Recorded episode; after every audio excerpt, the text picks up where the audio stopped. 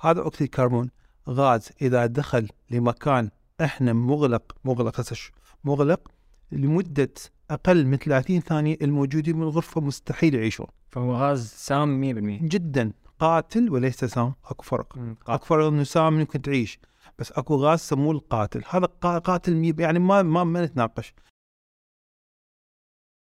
مرحبا. أنا منتظر وهذا بودكاست بعد. تخيل فد يوم لو جيت لك وقلت لك أكو شخص جاي من بعيد يريد يقتلك أو يريد يسلب حياتك هل راح توافق؟ أكيد ما راح توافق.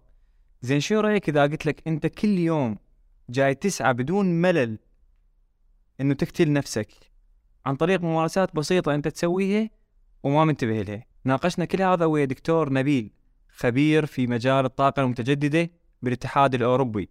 وعرفنا شلون التمر الصحي طلع أصلا مو صحي. وإعادة التدوير هي تجربة قديمة وإنه النبات ممكن يضرك أحيانا.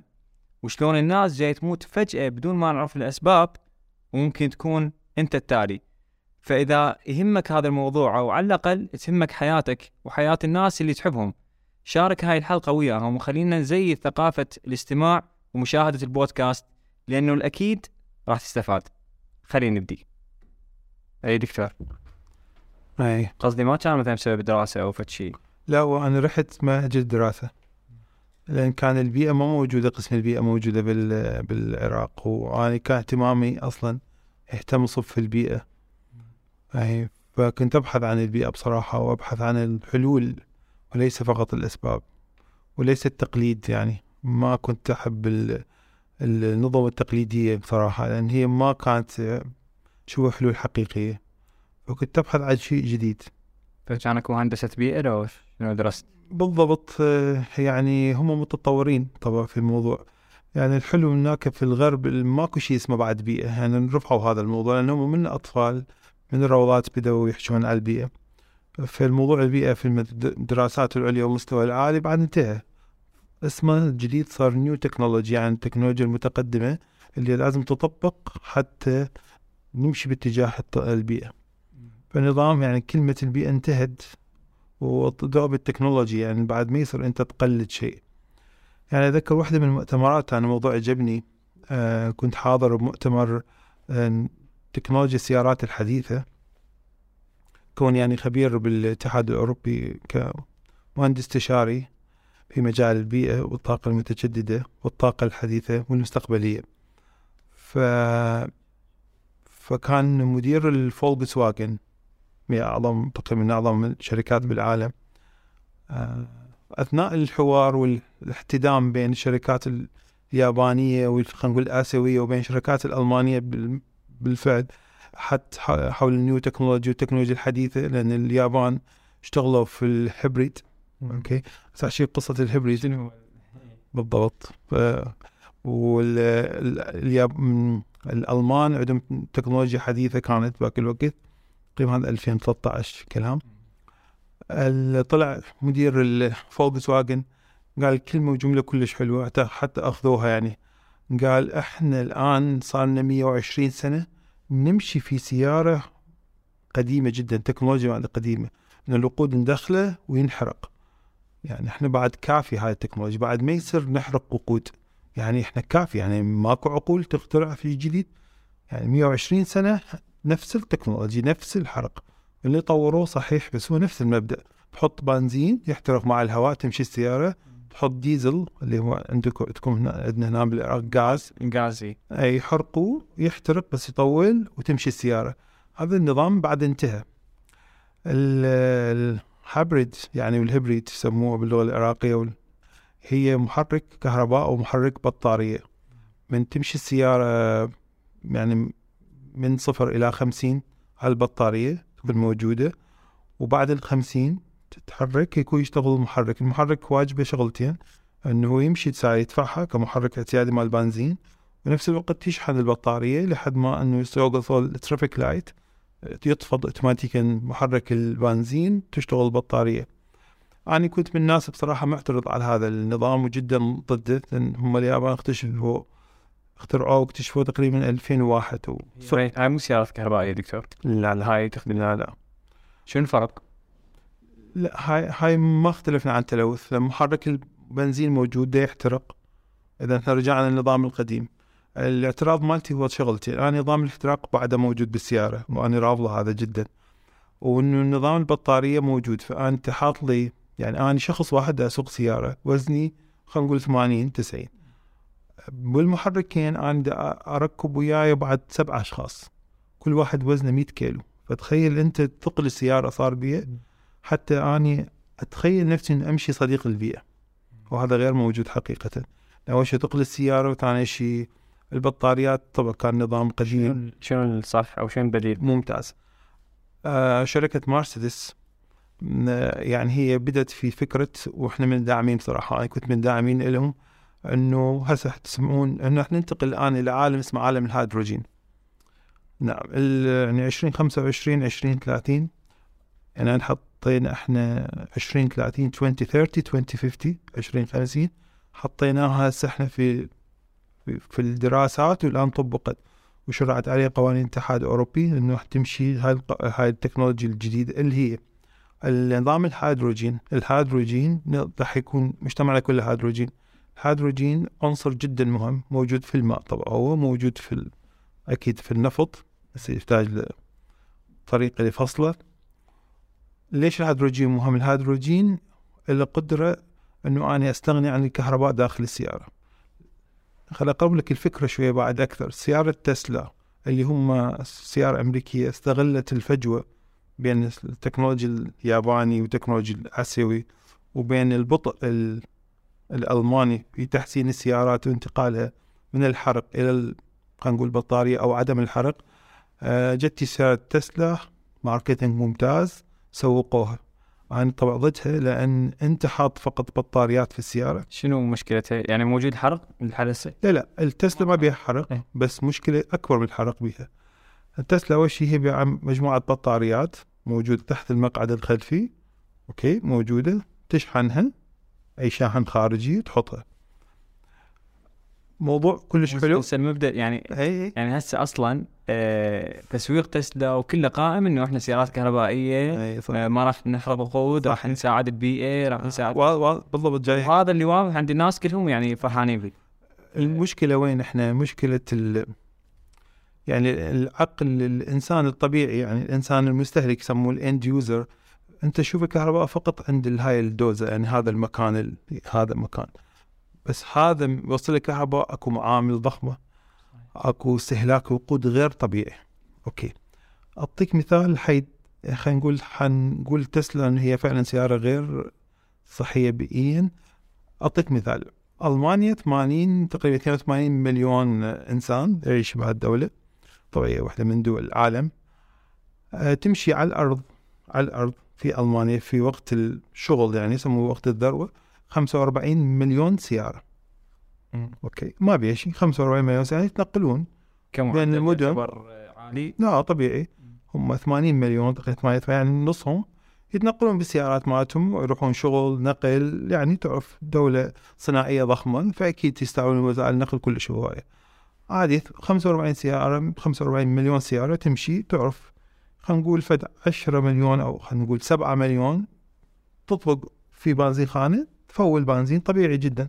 تفويلة الديزل أو البنزين ما يطول دقيقة ونص دقيقتين. وتوفر خزانات وما تصير أزمة يعني. يعني السيارة تاخذ لها دقيقتين ثلاثة full تطلع وهكذا. زين خلينا نتخيل نحن نرفع إحنا السيارات ال...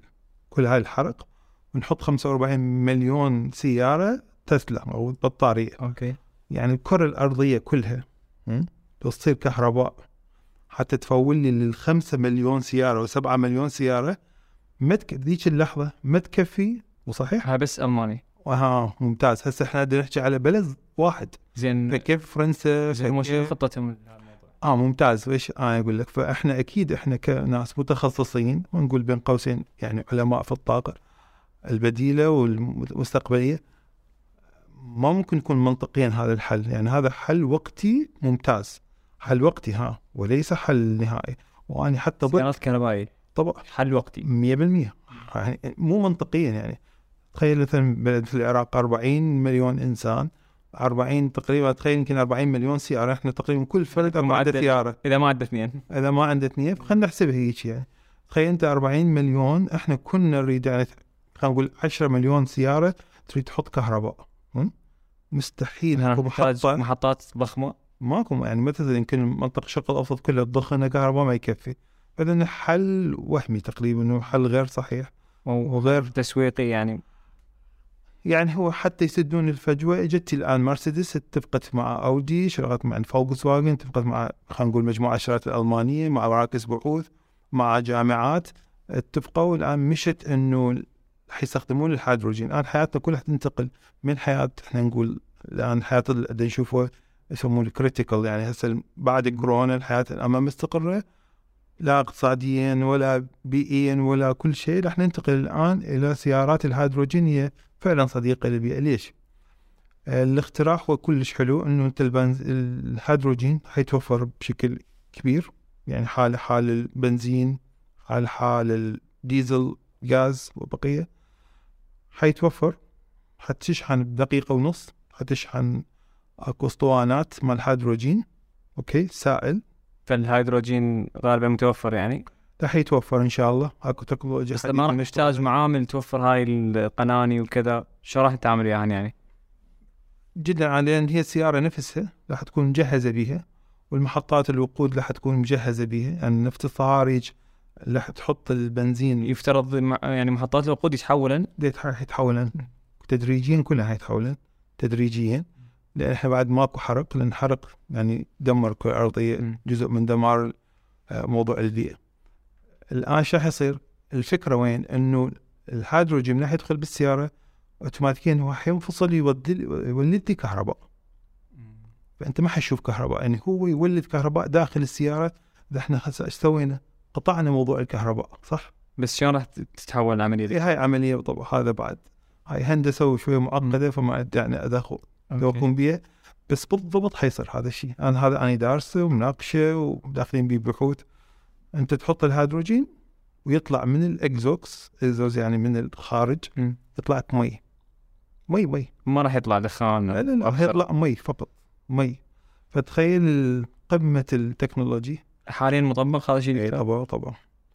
يعني أنا جنب وين أسكن بيه المكان اللي شقتي والشغلي مكان بعيد نزلت أو حطوا اول بنزين خانة موجودة. سعر ال 100 كيلو 100 جرام من الهيدروجين تقريبا كان واحد يورو. هذا غني وناس أكو سيارات تحط وتطلع. يعتبر كلش رخيص؟ يعتبر منطقي إيه لأن يمشيك تقريبا يعني خلينا نقول يعني العشرة العشرة كيلو جرام ها تقريبا. راح يوصلك إلى يعني 800 إلى ألف. بدا يطورون ألف كيلو متر بدا يطورون. الموضوع المهم جدا أن السيارة نفسها هي تولد كهرباء. والعادم مالتها صديق للبيئة جدا ومي. السيارات الآن كلها تتحول المشكلة اللي كانت تواجهنا والسؤال كان حقيقة إحنا الوسطيين يسمونه. مم. و... أنا بارحة اشتريت سيارة بخمسين ألف دولار أو يورو مثلا بي أم إكس. هاي سيارات حديثة. أه وين أوديها أنا طبقت القانون الجديد ال- اشتغلنا عليه هذا الموضوع من 2014 2015 إنه السيارات الجديدة ما صارها أربع سنوات خمس سنوات ترفع المحركات الحرق وتنصب محركات الهيدروجين بنصها. هذا راح يكون في يعني في مراكز يأهلون ال- يشتغلون فيها مكانات هذه يحاولوا شلون يرفعون المحركات. وراح ننتقل انتقالة كبيرة من انتقالة الوقود والحرق إلى انتقالة الهيدروجين. طبعا في النقل البري النقل ال- يعني ال- ال transport الكبير دا يحاولون يجودون طريقة الآن اللي هو ال bio diesel يحاولون يشتغلون عليه. البايو ديزل هو هم من العادم مالته تقريبا صفر. يحترق لأن إحنا لازم تدريجيا يعني نتطور الموضوع لحد ما نشوف شلون نتعامل مع يعني المراكب الكبيرة. الآن المراكب الصغيرة أو السيارات الصغيرة تقريبا أخذ القرار تتحول أغلبها إلى هيدروجين على مستوى أوروبا وعلى مستوى العالم. فمعناته دكتور هسه اكو. يعني آه، اكو مفاجاه هنا. السيارات الكهربائية يعني عمرها صغير. يعني معناته ما راح تطول. جدا. هي أصلا يعني هسه أنا هواي كنا نسمع مثلا إي. آه، بسنة 2030 راح تتحول 80% من السيارات كهربائيه آه، بسنة 2025 راح تتحول 50 زين تعال نفكر. أنا وياك آه، آه، منتظر. خلينا نفكر. خلينا نفتح النقاش ونفكر. يعني أنت جبت آه، خمسة مليون سيارة كهربائية. عادي. الخمسة مليون آه، صار عمرها خمس سنين سبع سنين استهلكت. البطارية كل بطارية وزنها 100 كيلو تخيل. كل كل سيارة بها أربع بطاريات. نحكي خمسة مليون هاي فقط في العراق. البطارية الوحدة وزنها 100 كيلو؟ وداخل السيارة؟ داخل السيارة. عفوا 100 وزن الإنسان يعني وزن الإنسان يعني تقريبا 80 إلى 100 كيلو. يعني أنت تمشي وياك أنت سبع أشخاص أو خمسة أشخاص. زين. وين تتلف البطاريات؟ هسه هاي سؤال بسيط. أنت عندك 5 مليون سيارة. حلو ورا فترة زمنية خلاص تلفن أي وين حتتلفن؟ وين توديهن؟ ممتاز. هذا دمار وتلوث لأن تعرف البطارية مهما كان الشركات ما راح تحير بيهن مثلا تاخذهن تسوي وين تودي okay بيخاف أنا أجي وياك يعني هسه حتى إحنا وين يعني؟ يعني تتخيل أنا مستوى العراق أنا قلت 5 مليون سيارة. ألمانيا حكينا 45 مليون سيارة. فرنسا أعتقد أعلى من ألف. فالمشكلة راح تصير أزيد راح تتفاقم يعني. ممتاز. أه، حسيبه على مستوى العالم. الصين الهند. أه، وين ودي هالبطاريات؟ يعني يعني مستحيل هذا الشيء غير منطقي. الحل الصحيح واللي حيثبت إنه انت تدخل الهيدروجين هو يولد لك كهرباء صح؟ أكو بطاريات تخزن ما أقول لا بس هو حيولد لي كهرباء تخزن بيه البطاريات. العملية داخلية كلها عملية توليد داخلي يعني مثل ما كان أكو احتراق داخلي ممتاز هسه لا توليد طاقة داخلي داخلي. وال... والعادة والمخرجات هي يعني البيئة صديقة البيئة. لأن أنا المشكلة وين؟ إن لازم أخلق لي توازن. أنا من أحط سياره كهربائية على الأرض تمشي. لازم أخلق كهرباء محطات كهرباء. تنتج لهذه. زين ما راح تحتاج شيء آه، ويا الهيدروجين ما راح تحتاج شيء خارجي؟ أبد. أي شيء ما راح تحتاج؟ أبد. ال facility يعني كلها مرتب بشكل منظم بشكل تشتغل يعني صار 10 سنين اذا هم 15 سنة.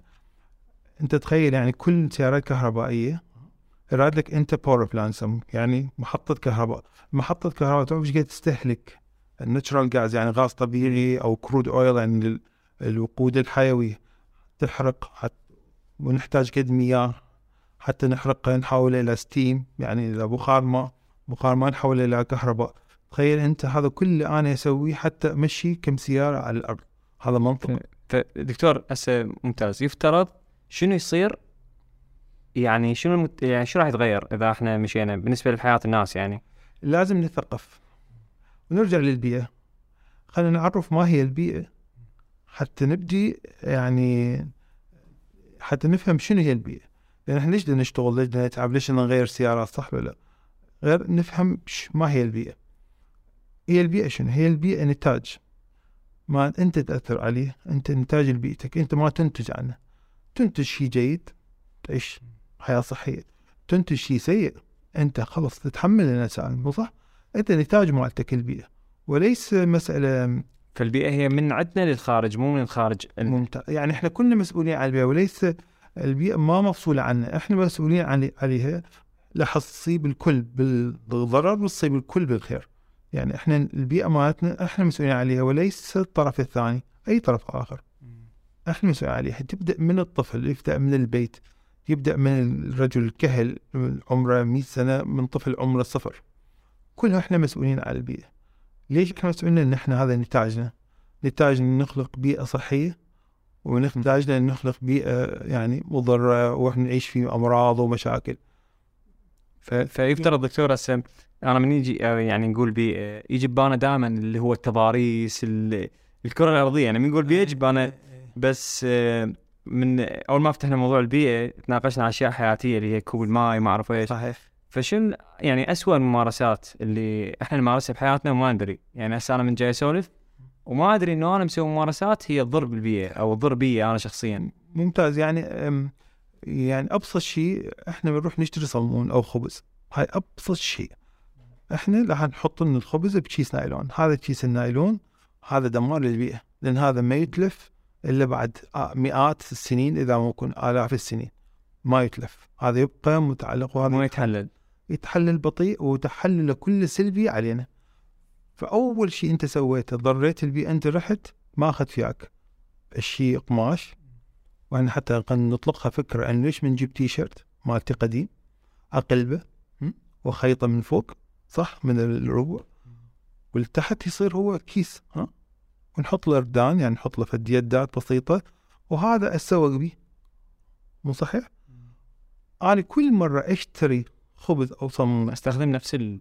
إذا استخدمته خمس مرات تخيل. يعني قد قللت من تأثير الضرر الحقيقي. مو وهمي هذا ضرر مو وهمي. ويفترض أكثر من خمس مرات. ممتاز. يعني أستخدم. مرة 200 مرة وتيشيرتات موجودة. صح ولا لا؟ فأنت قد أنت قد ما استعملته أنت قللت الأثر أنت عش الصحيين هسه أنت ما أقول أنت ما تريد تنقذ أخوك ما تريد تنقذ أبوك من الموت من مر- مرض يعني واحد ما يسأل نفسه هذا الطريق. مو بالأدوية بالمناسبة. إن إحنا ما يصير ننتهي يعني ما يصير نحط المشاكل نحطها بالأخير. يعني مثل حكينا عن موضوع السيارات يعني إحنا كمجموعة يعني خلينا نقول الخبراء والعلماء والباحثين ما بدوا في النهاية مو قالوا لا إحنا الحرق نحسنه الحرق ب... لا. انهي المشكلة؟ ممتاز. أنت بدوا من الأول. قالوا خلص الحرق انتهى. أنا بعد ما أقدر أنتج بعد صفر. يعني قد ما أقدر احسن أنا راح أنتج مواد مضره. فإحنا لازم نقطع ما يصير إحنا ننشي المرضى نعطيهم أدوية ونستورد أدوية و- وننقهر عليهم. وهي المشكلة. وأنت بديتها. بديتها من أنت يوم رحت تشتري صمون وخبز. وأخذت كيس نايلون بعدين رميته وأخذت كيس نايلون ثاني رميته وأخذت اذا أنت خلاص سا- ساعدت بهذا الشيء. صح ولا لا؟ لأن أنت بالأخير العفو اكو نقطة كلش مهمة أنا أتخيلها.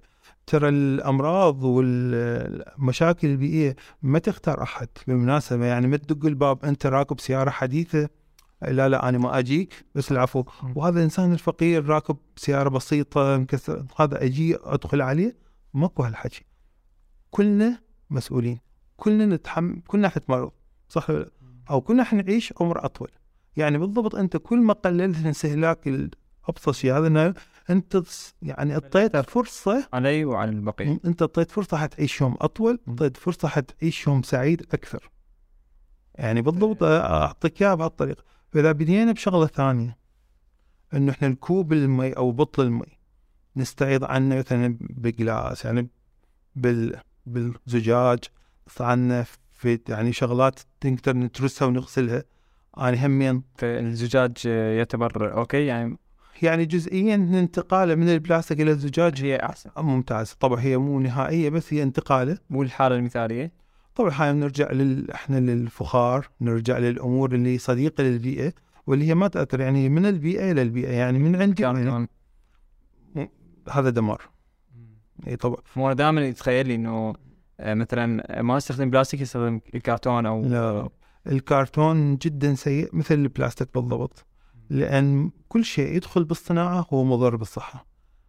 يعني أنت حتى تستهلك الكرتون هذا يعني تعرف أنت إيش قد ضخينا إحنا مي حار وقد ضخينا. فمثل موضوع النفط مال الكهرباء أو مثلا نقطة كهرباء ممتاز. يعني أنت بالأخير أنت ما يجيك هو مسوي لك إياه بإيدهم. يعني أنا يمكن لو نرجع على موضوع آه، همين أتذكر موضوع ناس في يعني خلينا نقول ندخل في هذا موضوع التثقيف ال- الزيوت النباتية اللي نأكلها النباتية يتخيلون الناس إنه نأخذ يعني الم- المنتج يأخذ ذره مال عباد الشمس. وهو قلب علينا يعصرها بيده. تطلع القطرة هيجي مثل الأفلام طب. ها وأنت تاخذه وتروح هذا الموضوع. تخيل الموضوع هيك كلش يعني صحي يعني أنت كل أكتب عليه مثلاً ومثالي. مكتوب عليه bio أو صديقي. هذا ماكوش حكي. إحنا شنو شلون ممتاز إحنا البشرية إحنا 6 مليار okay؟ خلينا نحكي على مستوى العراق 40 مليون نحكي على مستوى مصر يعني أعتقد 100 مليون. 100 مليون نحكي على مستوى ألمانيا 80 مليون. تخيل تخيل أنت 100 عندك هنا 40 مليون تريدهم زيوت نباتية. تخيل يعني آه، تجيبهم تعصرهم؟ لا. لا تدخل مواد كيميائية. تتفاعل وياها تسحب قطرة الزيت هذه الموجودة بال وبعدين ناخذ هذا الميكس الخليط.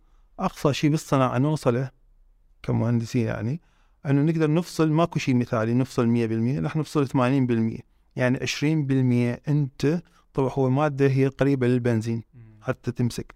فويا الدهن إحنا ناكل 20% تقريبا إلى 15% إحنا ناكل بنزين أو مواد نفط طبعا. مواد هذا نفطيه اللي يفترض هو السوسس الزين.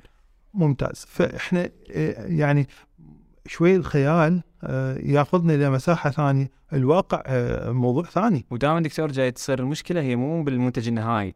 والمنتج النهائي قبله أكو شغل ومعامل جدا. وكل يعني هاي مراحل اللي ما هي هن اللي ممكن يضرن وهذا ترى يعني مو إحنا ضد هذا الشيء إحنا ما له علاقة ضد معه بس هو الانتاج يمشي ويغطي مساحات كبيرة من البشر. مو ممكن إحنا يعني نصنع شغله شغلة بالإيد ونطي ما تقدر تغطي. ما تقدر يعني مو منطقي. لازم ندخل الصناعة. من دخلت الصناعة؟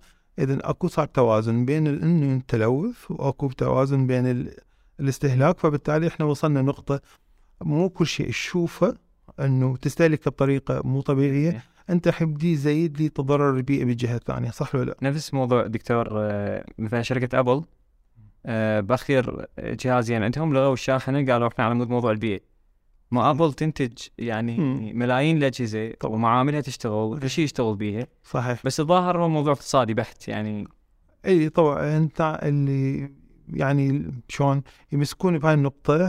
حتى يدخلون يركبون في مركبة البيئة اللي هم بعيدين يعني على مود مصالحهم من بالطبع مصالح الشركات. البيئة صارت كلمة الكل يحاول يستغلها حتى يصعد إلى إلى إلى شيء آخر هو أكيد يكون تجاري. وأنا مو ضد يعني هم نرجع إحنا نقول إحنا كنا نريد نشتغل لأن نربح مو غلط بس خلينا شوي نفكر بالطرف الثاني خلينا نفكر بالبيئة.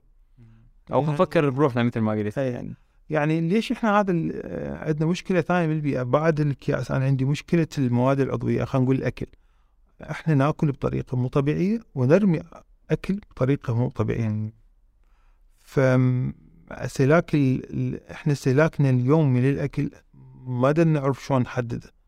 وهذا يرجع إلى الثقافة نرجع مرة ثانية إلى الثقافة ثقافة البيئة ثقافة المجتمع. أنت شلون تعرف قد حجم الأكل مالتك؟ تريد تاكل هواية وتطبخ هواية أو تسوي لك تحضر لك أكل وأنت ترمي نصه؟ فدكتور بس حتى أعرف أنا لما ارجع يطبخ هواي. وهذا يطبخ هواي وجاي يصير شنو هذا راح يضرنا بطريقة أو بأخرى؟ ممتاز. هذا راح ينجمع في سلة ال- يسمونه نفايات الصلبة المنزلية. هذا حتتكون هاي تت- تت- تتجمع وترمي. طبعا يعني إحنا على طمر أكو. هو يصير تمر التمر صحي. هو ما مع الأسف ماكو اسم صحي وما- ماكو شيء اسمه صحي. أكو طمر فقط والطمر غير صحي أكيد يعني لأن أنت كل ما تطمر هي مواد كيميائية تتفاعل مع بعضها يا أما تكون غازات الخفيفة تصعد تخترق التربة وتسير باتجاه فهم ليش. يسمونه تمر صحي يعني والله ما يعني بصراحه أنا وايد قريت ارتكلز ما مكتوب طمر الصحي ما قاري يعني healthy landfill ما سمعت فيه بس بس يعني كمصطلح عربي مصطلح عربي موجود. هذا الطمر الصحي. ما أعرف ليش سموه طمر صحي. ما, ما عندي هالمعلومة. بس ماكو شيء اسمه طمر صحي. أنا أعتبر كل طمر هو تلوث للتربة تلوث للبيئة وقتل تقريبا نقدر نقول مباشر وغير مباشر للناس. يعني بشكل اللي ساكنين ب يعني مستوى محيط أربعة كيلومتر. إحنا شلون؟ طبعا مع الأسف إنه ال- النفايات ال- الأكل والمواد العضوية نقول مع الأسف هي تقريبا تشكل 40 إلى 45% من يعني محتوى ال- النفايات والفضلات اللي تنتجها العائلة باليوم. 45% من محتوى الفضلات هو أكل. أكل. أكل أكل اكل خام. أكل أكل خام. ليش هذا جاي؟ جاي آه، كثير من الأمور طبعا. مع الأسف هي يعني الثقافة آه، منع في ثقافة الأكل يعني ما وال... بحجة الكرم إنه إحنا إي طبعا حتجي أمور كثيرة بعد حجة الكرم وحسيت إنه هاي صار فد منهج يعني بس الطرف الثاني إنه أنا كل ما أنتج يعني كل ما أنتج كيلوغرام زايد عن ال- طبعا النفايات موجودة المفضلات بس كل ما تنتج كيلوغرام أنت تزيد نسب السرطانات والموت. فشنو يفترض دكتور؟ آه مثلا بالأكل يعني شلون أقيس ال- الحاجة مالتي واسويها أو هل هذا أصلا شيء مطبق يعني؟ زين خلينا نحكي قصة. نرجع شوية أنا عايش بالنمسا بأن شيك على قصة صارت وياي ويا ابني. فمن كان بالروضة بالكندر جاردن ف طونا اشعار إنه حيودوهم للبلدية يوم الأحد. بلدية يسوون آه، مطابخ يعني هيك اللي فهمته يعني صراحة مو كلش اهتميت بس بعدين هو الطفل يلح علي يحجون يوم راح تروحون تطبخون. ما افتهمت الموضوع. ففرغت نفسي قلت أشوف شنو التجربة هاي. وأخذته ورحنا للبلدية. طبعا الدنيا باردة حيكون برد عندنا قاسي تتحملها فاخذته ورحنا مع الجروب مع الكندر جاردن الروضة. فشفنا شفتهم هم هم داخل تحت يعني بالبلديه اللي كانت هي عبارة عن صالات انتظار. طبعا يخلصون معاملات وهذا. في أيام السبت أحد أو خاصة الاحد يفرغوها ويدخلون بها فعاليات. من ضمن الفعاليات هي المطابخ. مطابخ صغيرة مقسميها وأكو طلاب آه، يكونون دارسين فندقة وسياحة ومطاعم. يجون كل ما يشاركون يحصلون نقاط أكثر فيكون هم المشرفين عليهم هم طلاب صغار يعني. فيلبسوهم يعني صدرية ولبسوهم المال المطبخ فدخل جوا طباخ فقال له من جاي وياه كل واحد يسأله فقال له جاي وياي أبويا واحد جاي ويا أمه واحد جاي أخوه مثلا كبير. هكذا. فخلص. فهم ورا علموه فترة. فبديت أسألهم يعني هذا صار كل شهر صار مثل تقريبا هذا الشيء بديت أستغرب. بديت أفتهم إن هم ورا بعد ما كبروا عرفوا شلون يسوون أكل صحي إلهم ما يحطون زيت هواية بحد قدر الاحتياج ومن يسوون القطعة مالتهم يطلعون قطع دجاج بالضبط على قد احتياجه. بسبب هاي المعسكرات أو ال بالضبط هاي الفعاليات. المجتمع المدني والبلدية مال المدينة علموهم إياه في الطفل في الصغر. يعني لحد الآن أنا ما شفت يوم وهي حقيقة يعني أولاد يأكلون ويبقون يشمرون يعني ما عندنا فضلات مطلقا نهائيا. من من إيش قد من إيش قد هالحكي إيش قد صار له؟ صار له 18 سنة يعني. بحيث آه، ال- عفوا سلة النفايات طبيعي نحكي عليها سلة الزبل كانت كبيرة صغرتها بصراحة. كل صغرتها لأن كل أربع أيام يلا نشيل. لأن ما ما ما عندنا نفايات يعني. ليش؟ لأن هم عرفوا شلون يأكلون أكل صحي النقش في الصغر هو هذا المهم يعني. وعرفوا شلون احتياجهم إلهم لهاي كم ساعة هاي. عشاء عرفوا هذا احتياجهم. قطعة بسيطة قطعة خبز بسيطة وياها كاتشب بسيط أو مثلا شوية شغلات هاي. على قد اللي انتهت شبع خلاص الماعون فراغ 100% فهاي من بدون هدر ممتاز وبدون حكي من عندي وبدون توجيه وبدون كل شيء. خلاص شو اسمه عرف الموضوع مشى يعني أستاذ يعني شوف أنت النقاط اللي إحنا حصلناها من هالنقطة. أول شيء يعني الدخل يعني ماديا. تعرف إحنا إحنا عرفت أنا إيش قد اصرف وإنه هم عرفوا وش قد نحتاج كيف؟ قد نحتاج. فأكيد الموضوع اختلف. ماكو تكديس وبعدين يعفن وبعدين نرمي ونفس المبدأ. عرفت إنه هم شلون استهلاكهم وشلون أكلهم وشلون هذا الشغله الثانية هم قاموا ياكلون اكل صحي وهذا بالنسبة لي كلش مهم. أولادي الحمد لله مثل تعرف. يعني رياضيين صاروا هذه جوي ما يجي من لا شيء جوي من أكل صحي صحيح تعلموه بشكل صحي الشغله الثالثه والاهم ماكو فضلات. وبالتالي إحنا نعطي فرصة للبقية إنه والبقية يعيشون عمر أطول. ف يعني بسبب سلوك صغير. بسيط وفعاليه بسيطة سووها. نتاجها كبير جدا يعني. يعني إحنا شوف المسألة دائما إحنا نقول لازم إحنا نبدي يعني لازم نثقف المجتمع. يعني شلون يعني شلون أشرح لك إياها؟ مرة هاي قصة أخرى. مرة كنا آه، يسوون فعاليات حتى يزرعون الفكر البيئي آه، في عند الأطفال. إحنا. إحنا قلنا البيئة تنبني من الطفوله من الطفولة.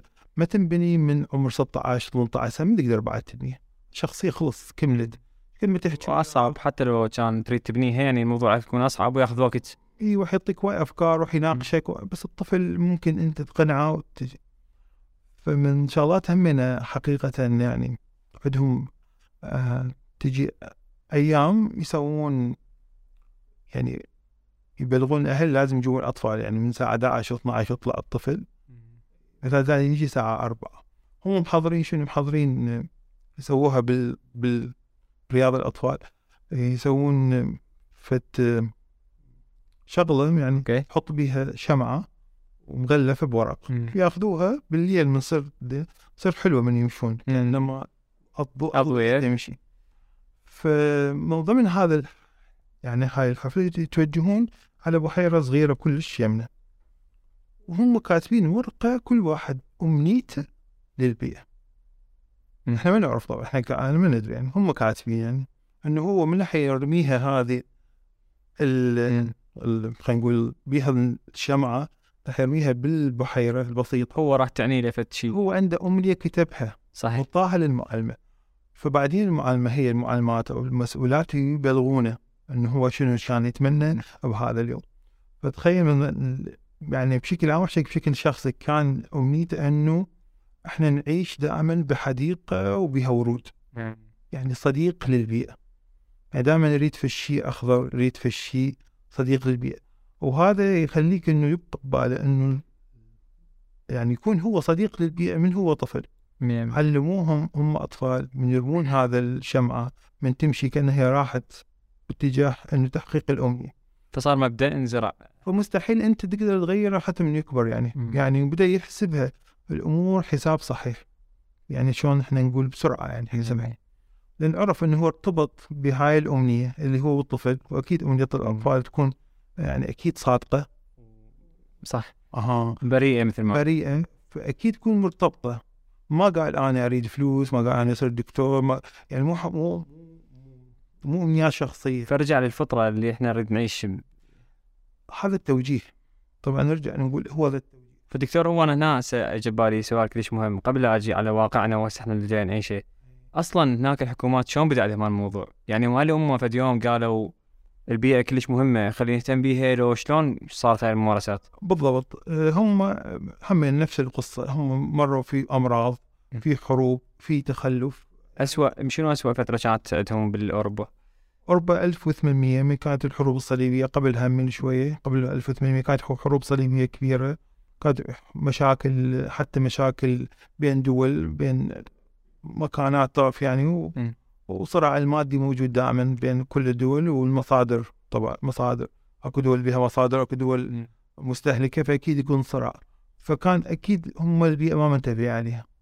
بس بعدين وصلوا مرحلة شافوا نفسهم في كل مرحلة سلم هم ما عايشين بسلم. عندهم صراع مع المرض عندهم صراع مع التلوث عندهم صراع مع مياه غير نظيفة عندهم صراع مع هواء مو نظيف.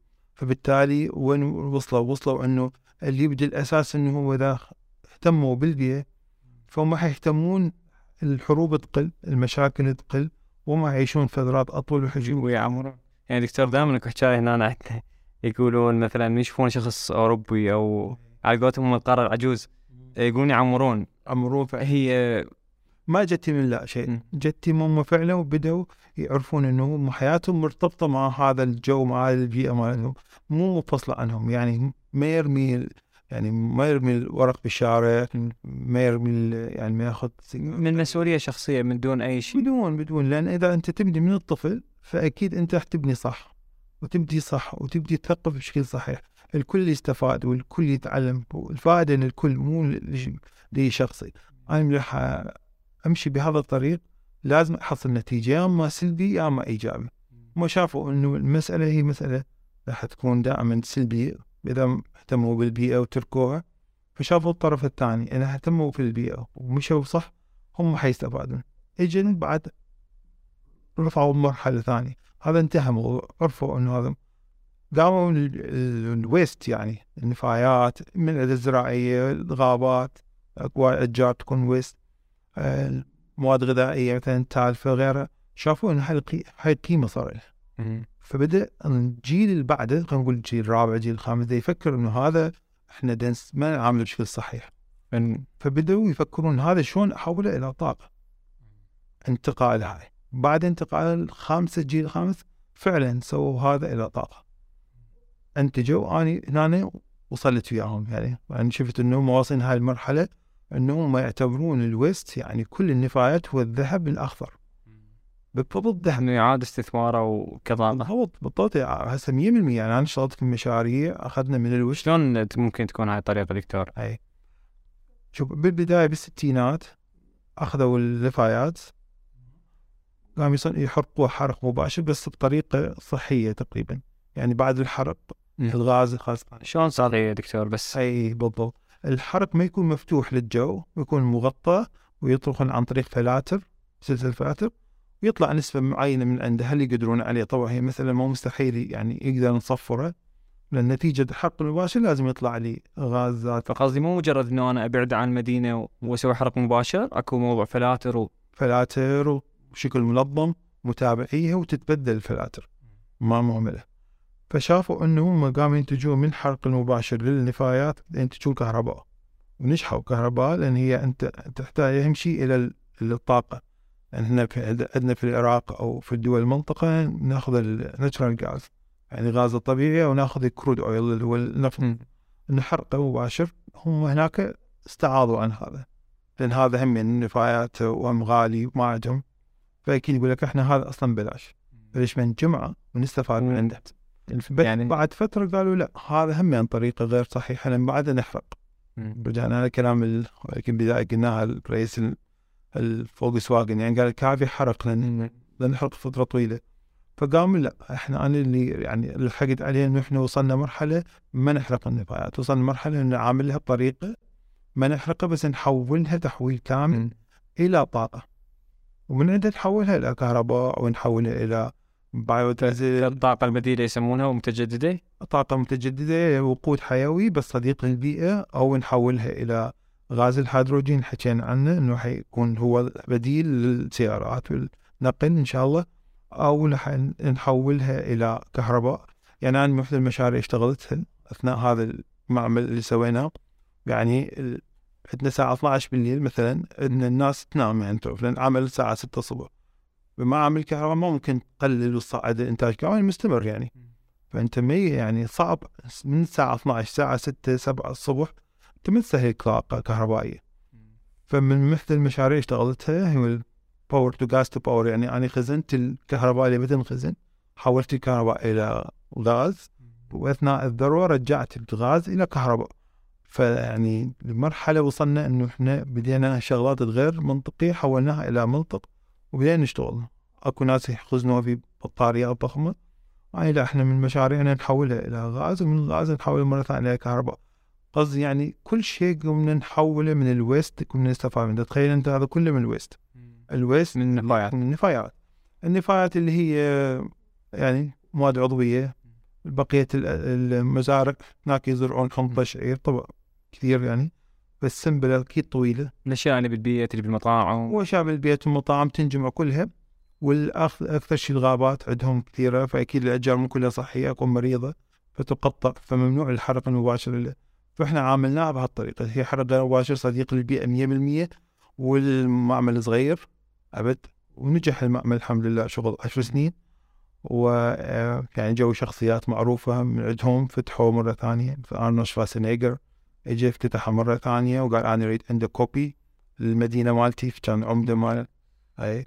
بعدين جو اليابانيين أخذوا عنده نسخة بعدين جو الألمان جو السويديين الفنلنديين العالم كله ذا يتجه تتجه استثمار ال waste بس ما تجي؟ نبجي إحنا نرجع من هذا النهاية هذا العلاج الصحيح. نبجي من الأول هل ال- الناس تعيب هذا الشيء؟ هل هي متفاعلة مع هذا الشيء أو لا؟ التعليم ال- بالبيت ممتاز. ممتاز إحنا جبناها على الطفل أو الولد أو البنت يعني من يأكل على قدر ما يقدر عليه مستحيل أنا عندي أولاد يأخذون كيس نايلون. يعني يروحون يسوون مستحيل.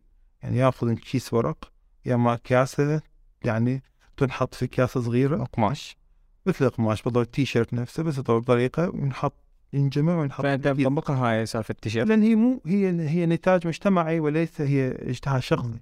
فأنا قصدي أنا هسه ارتجي من العالم لواقعنا هسه ممكن واحد يسمع يقول أنا أجيب التيشيرت وأطلعه. الموضوع مطبق وناس مطبق طبيعي. ما انت أنت هو يا هو الأهم.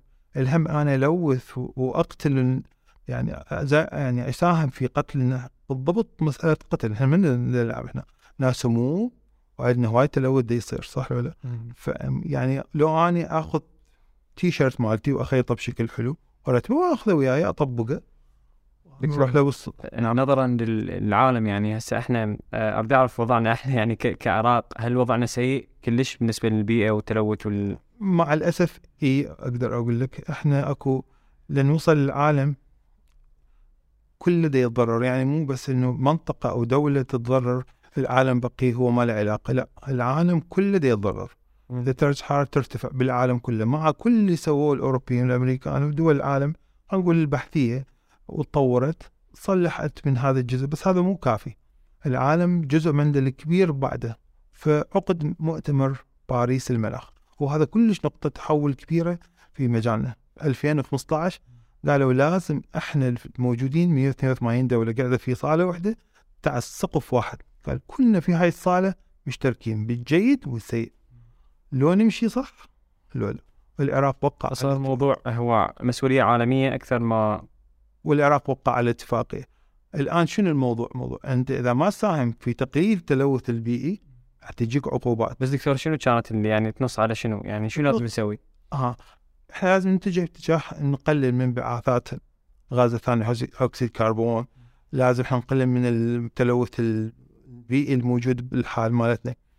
شلون حتى يصير موازن من الموضوع ما يصير بنوع اطلق اقمار صناعيه تلف حول العالم. فأكيد كل فترة يجي على العراق يأخذ له صورة من أخبار صناعية. أنا عندي صور من أقمار صناعية انهم بعدنا مع الأسف في المنطقة الحمراء. وهذا بدأ من 2015 لحد الآن؟ هو خلينا نقول من 2020 بعد ما وقعوا الاتفاقيات كل الدول أغلب الدول العالم يعني احتاجت أربع إلى خمس سنوات.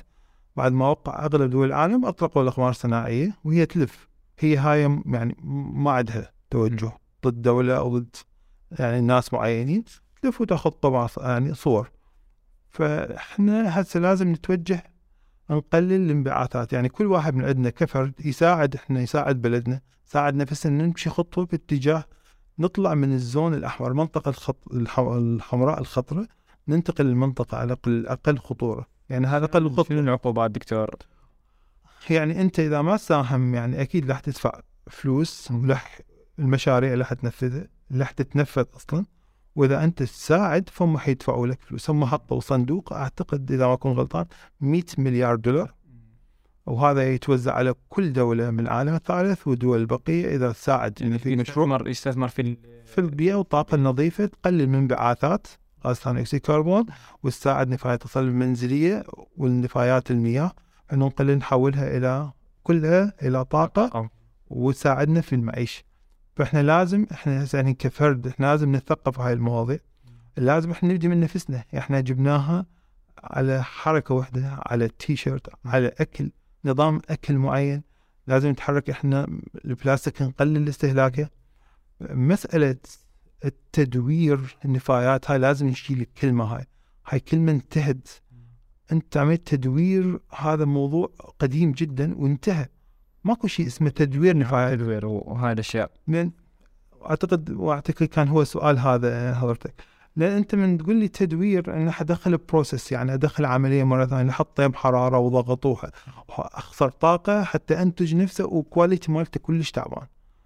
فمسألة التدوير نفسها التدوير هي أهم المسألة غير نهائية. الحل هو ترقيعي يعني وأهم حل ترقيعي ممتاز.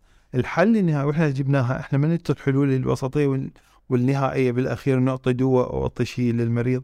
ليش ما أشوف المشكلة الأساسية مو أعالجها من البداية؟ فأكيد التدوير مع الأسف هي تكنولوجيا قديمة سنة الثمانينات بدأوا بها الأوروبيين وخلص سكروا عليها. وسموا تاركينها الموضوع جدا قليل. جدا يعني يعني جدا أحط جوا 50 خط. يعني عاشيهم ومشاريعهم وحضر مؤتمراتهم. التدوير كلمة تقريبا انتهت يعني تقريبا ما أقول 100% بس انتهت. الآن هو التحويل. النفايات عبارة عن طاقة حقيقية. لو نرجعها هي كلها أما نفط مو صحيح؟ ولأن أي شيء أنت عندك الآن هو أصلا نفط. أو نرجعها المواد العضوية هي أصلها أصلا من التربة. وهي طاقة أصلا يعني ممكن نرجعها إلى طاقة. فيعني المسألة كلها هي مسألة هي ريسورس يعني هي أصلا مصادر. إحنا تفيدنا نعيش حياة صحية. يعني شنو الغلط بها يعني فأكيد الطاقة الشمسية لازم إحنا نتحرك عليها بطريقة صحيحة مو طريقة إعلامية. و شلون تقصد إعلامية دكتور؟ الطاقة الشمسية آه هي مو كل ما أكو شمس. يعني أنا عادي مثلا أمشي ألقى مثلا بناية أو شركة تابعة مثلا وزارة الكهرباء أو شيء حاطين فوقها هاي الألواف. ممتاز. وإحنا جاي نسوي طاقة شمس. صحيح. يعني مع هذا التوجه الشخصي أو البيوت مو جيد جدا. بس مع انه يعني مسألة كبيرة بهاي المساحات الضخمة يعني شوية مو منطقية يعني. شنو مضارها أو شنو ليش نعتقد؟ مشكلة الطاقة الشمس هذا رايي الشخصي بالمناسبه يعني مو اعتراضا ولا شيء. هذا رايي الشخصي الطاقة الشمسية أنت بتحط طاقة شمسية أنت تحتاج مساحات ضخمة. هاي أول شيء حتى تنتج لك تنتج لك طاقة شمسية حقيقية. المساحات الضخمة تحط الألواح بيها. عندك أنت دائما عندنا رياح وغبار قوي جدا صح لا؟ يعني وايد شفتها عندكم عندنا تصير هاي عواصف ترابية عواصف هذه الاشياء هاي نقطة. النقطة الثانية هاي مكشوفة. وعندنا إحنا وايد عندنا رحلات تصير بين الشتاء والصيف للطيور. وهاي الطيور أكيد هي يعني تعرف مسألة الكميات الضخمة البرات مالتها. فتمسك وين تروح على العيون اللي اللي- موجود خلايا. خلايا. تفقد الافشنسي مالته يعني الكفاءة مالته يعني بعد خمس سنين أنت تقل واي بعد نتيجة تصحر نتيجة هاي الأمور يعني البيئية. ثاني شيء مو كل شيء شمس معناه أنت عندك اشعاع اكو فرق أكو اشعاع تركيز وأكو شمس. تركيزنا إحنا مو عالي جدا بالشمس. أكو فرق أكو تركيز للشمس اشعاع واكو شمس يعني. فإحنا همينا من الدول اللي لأن أجواءنا مو صافية ودائما مغبره فأكيد تنكسر هاي. متى توصلنا الأشعة بقوتها مثل ما تجي لأوروبا. لأن الجو صافي جدا فأكيد استثمارها أكثر. إحنا أصلا آه، يعني الطبيعي نحس إنه الشمس مالتنا أقوى وأحسن واوروبا يتمنون يصير شمس إي صحيح بس التركيز التركيز أحكي عليه تركيز الشمس المونة يعني. بالضبط. إحنا ما عندنا المونة الحقيقية وما عندهم المونة. نتيجة التلوث الموجود بطبقات ال- الجو اللي عندنا. فهم العلاقه بالتلوث. وهم نرجع. هو نرجع. نفس النقطة. فإحنا بدنا نخسر هم الطاقة الشمسية على هذا الشيء. فدكتور جبناها على موضوع ال- البيئة عموما والسيارات اللي تفاجئنا بيها وموضوع الطمر الصحي اللي طلع نعم. أصلا مو صحي. نعم. وكل هالشغلات نعم. اريد أجي لواقعنا العراق. الأشياء اللي نشوفها كل يوم ال- التلوث الشركات النفايات الممارسات هاي الشخصية البلاستيك. وكل هاي السوالف. نعم. إذا اريد اخذها واقول لك اليوم إحنا ما سوينا أي حركة أو أي مسؤولية. نعم. وبقينا على وضعنا الحالي. أوكي. شنو ممكن شكل العراق أو الأضرار اللي راح تصير؟ وهي أصلا مو بس العراق أي دولة. أي دولة. إذا بقت على هذا الحال بعد 10 سنوات أو 15 سنة شنو ممكن الشكل اللي يكون عليه؟ ممتاز. إحنا خلينا نبدي إنه البيئة هي مسؤولية الجميع. يعني مو مسؤولية يعني جهة معينة وجهة ثانية هي المستفيدة لا. إحنا كلنا مسؤولين. الفرد مسؤول. إحنا قلنا حتى الطفل هو مسؤول. إذا الطفل يعرف شلون يفرز النفايات يقسمها هو مسؤول. راح يعطينا فرصة نعيش أفضل. أنت قلت استهلاك البلاستيك أنت تعطي فرصة أكثر. بس السؤال الآخر أنا شو راح يصير علي شخصيا؟ هنحكي إذا اني ما سويت شيء يعني عادي سمعت الموضوع هذا قلبت الفيديو وقلبت القناة عادي ورحت. إيش راح يصير بي بالضبط؟ خلينا نحكي بشوية علمية شوية يعني بسيط. شوف يعني النفايات تركناها وطمروها أوكي؟ الآن حيطلع لي غاز اسمه غاز أول أكسيد كربون.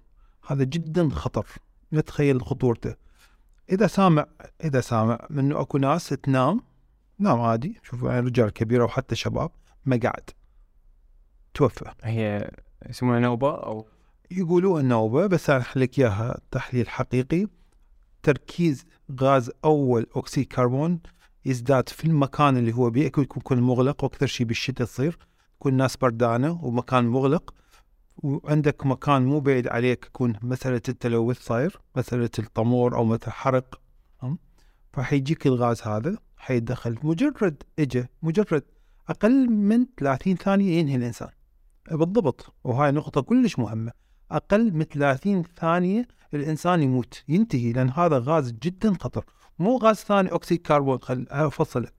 غاز أول أكسيد كربون يسموه CO هذا جدا خطر هذا وين ينتج؟ وين ممكن يكون؟ ممتاز هاي كل مكان طمر موجود. كل مكان حرق موجود. كل مصافي محروقة موجود. كل شيء ينحرق بطريقة أو ينطمر. النفايات تنطمر أو تنحرق. أو الغاز أو النفط ينحرق. ومعامل الطابوق معامل الاسمنت معاه حينتج لي غاز ال CO أو أول أكسيد كربون. هذا أكسيد كربون غاز إذا دخل لمكان إحنا مغلق مغلق هسه مغلق لمدة أقل من 30 ثانية الموجودين بالغرفه مستحيل يعيشون. فهو غاز سام 100% جدا. قاتل وليس سام أكو فرق. أكو فرق إنه سام ممكن تعيش بس أكو غاز سموه القاتل. هذا قا- قاتل مي يعني ما ما ما نتناقش. يعني معناها نسبة الوفيات حتزداد. نعطيها أسباب كثيرة إحنا. نقول هذا خطيه كبار. هذا مثلا سكر مالته ارتفاع هذا هذا ض- ضغطه ليش هو يست... لأن إحنا لو نقارن ليش النفايات تصعد عندنا؟ بشباب خلينا نقول في خلينا نقول مجتمع عمر. يعني إحنا عندنا هناك العمر 60 65 يعني يطلع من التقاعد يقولون هذا الشاب هسه حيبدي هذا الشاب ها أو هاي الشابة هسه حتبدي حياته. فالشاب مصطلح حقيقة احكي يعني بدون بدون مرتوش. يقول هذا الشاب هس ليش؟ لأن إحنا سي أو عندنا هذا الغاز صفر تقريبا. تعرف؟ لأن أنت مستحيل هذا حينام في غرفة حيموت. مثلا يعني نسبة الوفيات قلت ليش؟ لأن هم عرفوا إنه هذا الخطر. فدكتور أنا جبالي شغلة كلش أنا سامع سامع هذا المصطلح وما أدري من هو جاي. إيه، يقولون والله نهاية الزمان صارت الموت فجأة. ممتاز. يعني لأن نتيجة النفايات الكثيرة ال- غير الجرايم مو ثقافة طبعا الثقافة صفر. آه عم إحنا ما نعرف شنو النفايات وقد خطرها علينا فأكيد نعتبر الموضوع طبيعي ونهمله. فبالتالي يصير عندك موت مفاجئ سريع يصير عندك هواي تشوهات. خلينا ننتقل للغاز الثاني. خلي شوي ادقق وهذا إحنا حكينا أعلى خطورة. هذا خلينا نحفظه. يسموه السي أو. وهذا السي أو ينتج في أي طمر موجود في البيئة. يعني هسه لو تجمع لي هسه بالمنطقة بالمنطقة عندكم سلة نفايات غير معالجة. يعني محطوطة وصار يمكن أربعة أشهر مثلا أو ثلاثة أشهر. شلون شيء اسمح لي بس العفو. إنه هاي النفايات محطوطة وما حد ما أخذها. هاي البيت اللي جنبها أو البيت الدائر مدار يعني مده على مسافه واحد كيلومتر كلهم معرضين لموت المفاجئ اعطيك اياها من هسه. معناها إحنا وين؟ إحنا في الخطر. أنتم جايبين المكان الخطر يعني مكان النفايات. هاي ما يصير تكون موجودة بهالطريقة. هاي كلش خطرة لأن هاي تتفاعل بالداخل لأن هي المواد تعرف تتفاعل تدريجيا. حرارة عالية عندنا صح؟ رطب المكان وهاي مواد هي كلها من هاي البلاستيك والشغلات والورق والكرتون والمواد الغذائية وضيف لها مواد سموم ثانية مثل المعطرات والغيره هاي كلها تفاعلت أنت ما تحس عليها. طبعا انت تروح واحد يحب شغل أطفال يلعبون ما أدري شنو. راسا طلع الغازات. أول غاز إحنا قلنا السي أو راسا انتشر طبعا على مستوى يسموه 1.7 يعني على مستوى طول الإنسان. ينتشر الهواء يدفع الهواء. الناس النايمة بالليل؟ طبعا طبعا بالليل يبدي الإنسان عضلاته ترخى ينشق الهواء تركيز هاي المواد تتركز بالليل. بعد ما تقل الشمس الت- التفاعل يبدي يشتغل. تشوف واحد ما نام ما قاعد. ف موضوع خطر يعني. خطر بس خطر. يعني يعني هذا واقع وهذا علم. أنا ما اجيبه من جيبي يعني. هذا الشيء إحنا عارفيه ودارسيه وهذا موجود يعني حقيقة. حقيقة أنا أتخيل أتخيل. إذا أنت واحد آه، بيده سلاح وطاب ببيتك. ممتاز. يعني نفس نفس الموضوع. بالضبط. هذا هذا راح تمنعه. زين خليني أعطيك فد شيء بالجزء الثاني بأوروبا شلون يعامل الشخص الذي شوف الش- الشخص الذي يطمر النفايات بهالطريقة أو يحرق النفايات الصلب المنزلي حرق متعمد. يعني هو يروح كل كامل عقليته مو إنسان مو طبيعي يحرق النفايات يعاملوه معاملة الذي يقتل إنسان. مو مشتبه أو مو تخيل. الوصف. أنا حكيته بهدوء أو توصل الفكرة. يقتل إنسان. ونقطة. لأنه هي نفس الشيء. بالضبط. آه بالضبط. نفس الشيء. لأن بالضبط أنت مو كان ما تروح يعني بسكين أو شيء واحد يقتل. هذا أنت دا تسويه تقتل يمكن أكثر من إنسان. فبالتالي المسألة ما بيها المفروض إحنا كنا سوينا حكم يعني. يعني أنا أتخيل ما احب اتخيل وهذا ما اتمنى ابد وما اريد اتخيله بس يا حد يعني انت تقهرني انه أنا اتخيل انه العراق حيكون بعد عشر سنين وتقول لي على هالوضعيه أقول لك يعني مع الاسف يعني صعب ان تلقي أصلا ناس طبيعيين يعني يحجون وطبيعيين ما فاقدين كثير من اهلهم لأن تعرف هذا يمكن إلى شانس نايم كان يم الشباك شباك شوية مفتوح اخ يعني نجا من الموت تعرف شلون التفكير أو مثلا شخص شوية فاتح الباب. يعني مجرد أنت سكرت الباب سكرت المنطقة عليك لمدة 30 ثانية أنت انتهيت. بالضبط خذ هيك. الهواء يحتوي على ال- الأكسجين نسبته 21% والنيتروجين 79% وأكو نسب قليلة ويا السي أو 2 وشوية إذا أكو مجال حيصعد هذا الغاز. من ركب؟ مع الهواء وانت استشقت كإنسان الرئة تسحب السي أو 2 تستفاد من عنده وطبعا كله باقي الذبة سكر مجرد هذا الغاز دخل عندك أنت انتهت يعني بعد أكثر من هاي بعد ما أقدر أشرح إنه ندخل في موضوع فهذا يعني- المساله جدا خطرة مو خطرة. جدا خطرة. أوكي. أنتقل للغاز الثاني. ولا ما أريد أطول في الموضوع. هو غاز؟ غاز ثاني أكسيد كربون. هذا. هذا الغاز صح ما يقتل مباشرة بس نسبته بالهواء. إذا صعدت عن حد معين نفس ال... نفس ال... هذا ما يقتل بس يدمرك يعني يدمر الإنسان. تحس أنت نعسان خمول غاز غير مرحب به في الجسم. ولهذا ناتج من ناتج الحرق والنفايات. يعني المصدر الرئيسي لمصدر السي أو 2 هو الحرق المباشر للوقود للنفط وطمر النفايات وحرق النفايات بشكل مباشر. مباشر. الغاز سي أو 2 مشكلته شنو انه ما يتفكك بسهولة وملتحم بقوة فصعب يتفكك فيكون يركب مع كل مكان. إذا ما يجي مكان فحيصعد للجو ولهذا يسموه يدمر الجو يدمر الهاي ويصعد درجه الحراره اللي إحنا عندنا مشكلة ال- الأوزون. إذا بقى على مستوانا فأنت راح تحس نفسك دائما خمول مشاكل ما عندك صحة. وممكن يؤدي التركيز إذا زاد عن نسبة معينة حيؤدي للقتل مثل السيو. السيو خطر جدا. هذا بعد يعني هذا ينتظرك. إذا هذا ما سوى الواجب هذا حيقول لك أهلا وسهلا. أنا حستلم الموضوع بمكانك. فتخيل المأساة. يعني إحنا يعني بعدين الموت حتمي بس أحكي لك لا بعد أنا ما كملت بس ها. الآن ننتقل إلى موضوع ثاني. السيارات البنزين. سيارة البنزين يعني إحنا نحط بنزين. الحرق مالته إيش راح يطلع لي؟ حيطلع لي يسموه ال SOx وال NOx يعني هاي مركبات ملتصقة بقوة. تتفكك وين؟ تفكك بداخل جسم الإنسان. يعني مجرد إنه هي دخلت كأن أنت مشارب سم سم مركز. أنت الشربة بعد تو جسمك. أكو ناس تعبر من السم صح ولا لا؟ أكو ناس ما تعبر. فبالتالي أنت عايش في بيئة مجرد يعني احكيك إياها حقيقة. الخطر مالته جدا عالي.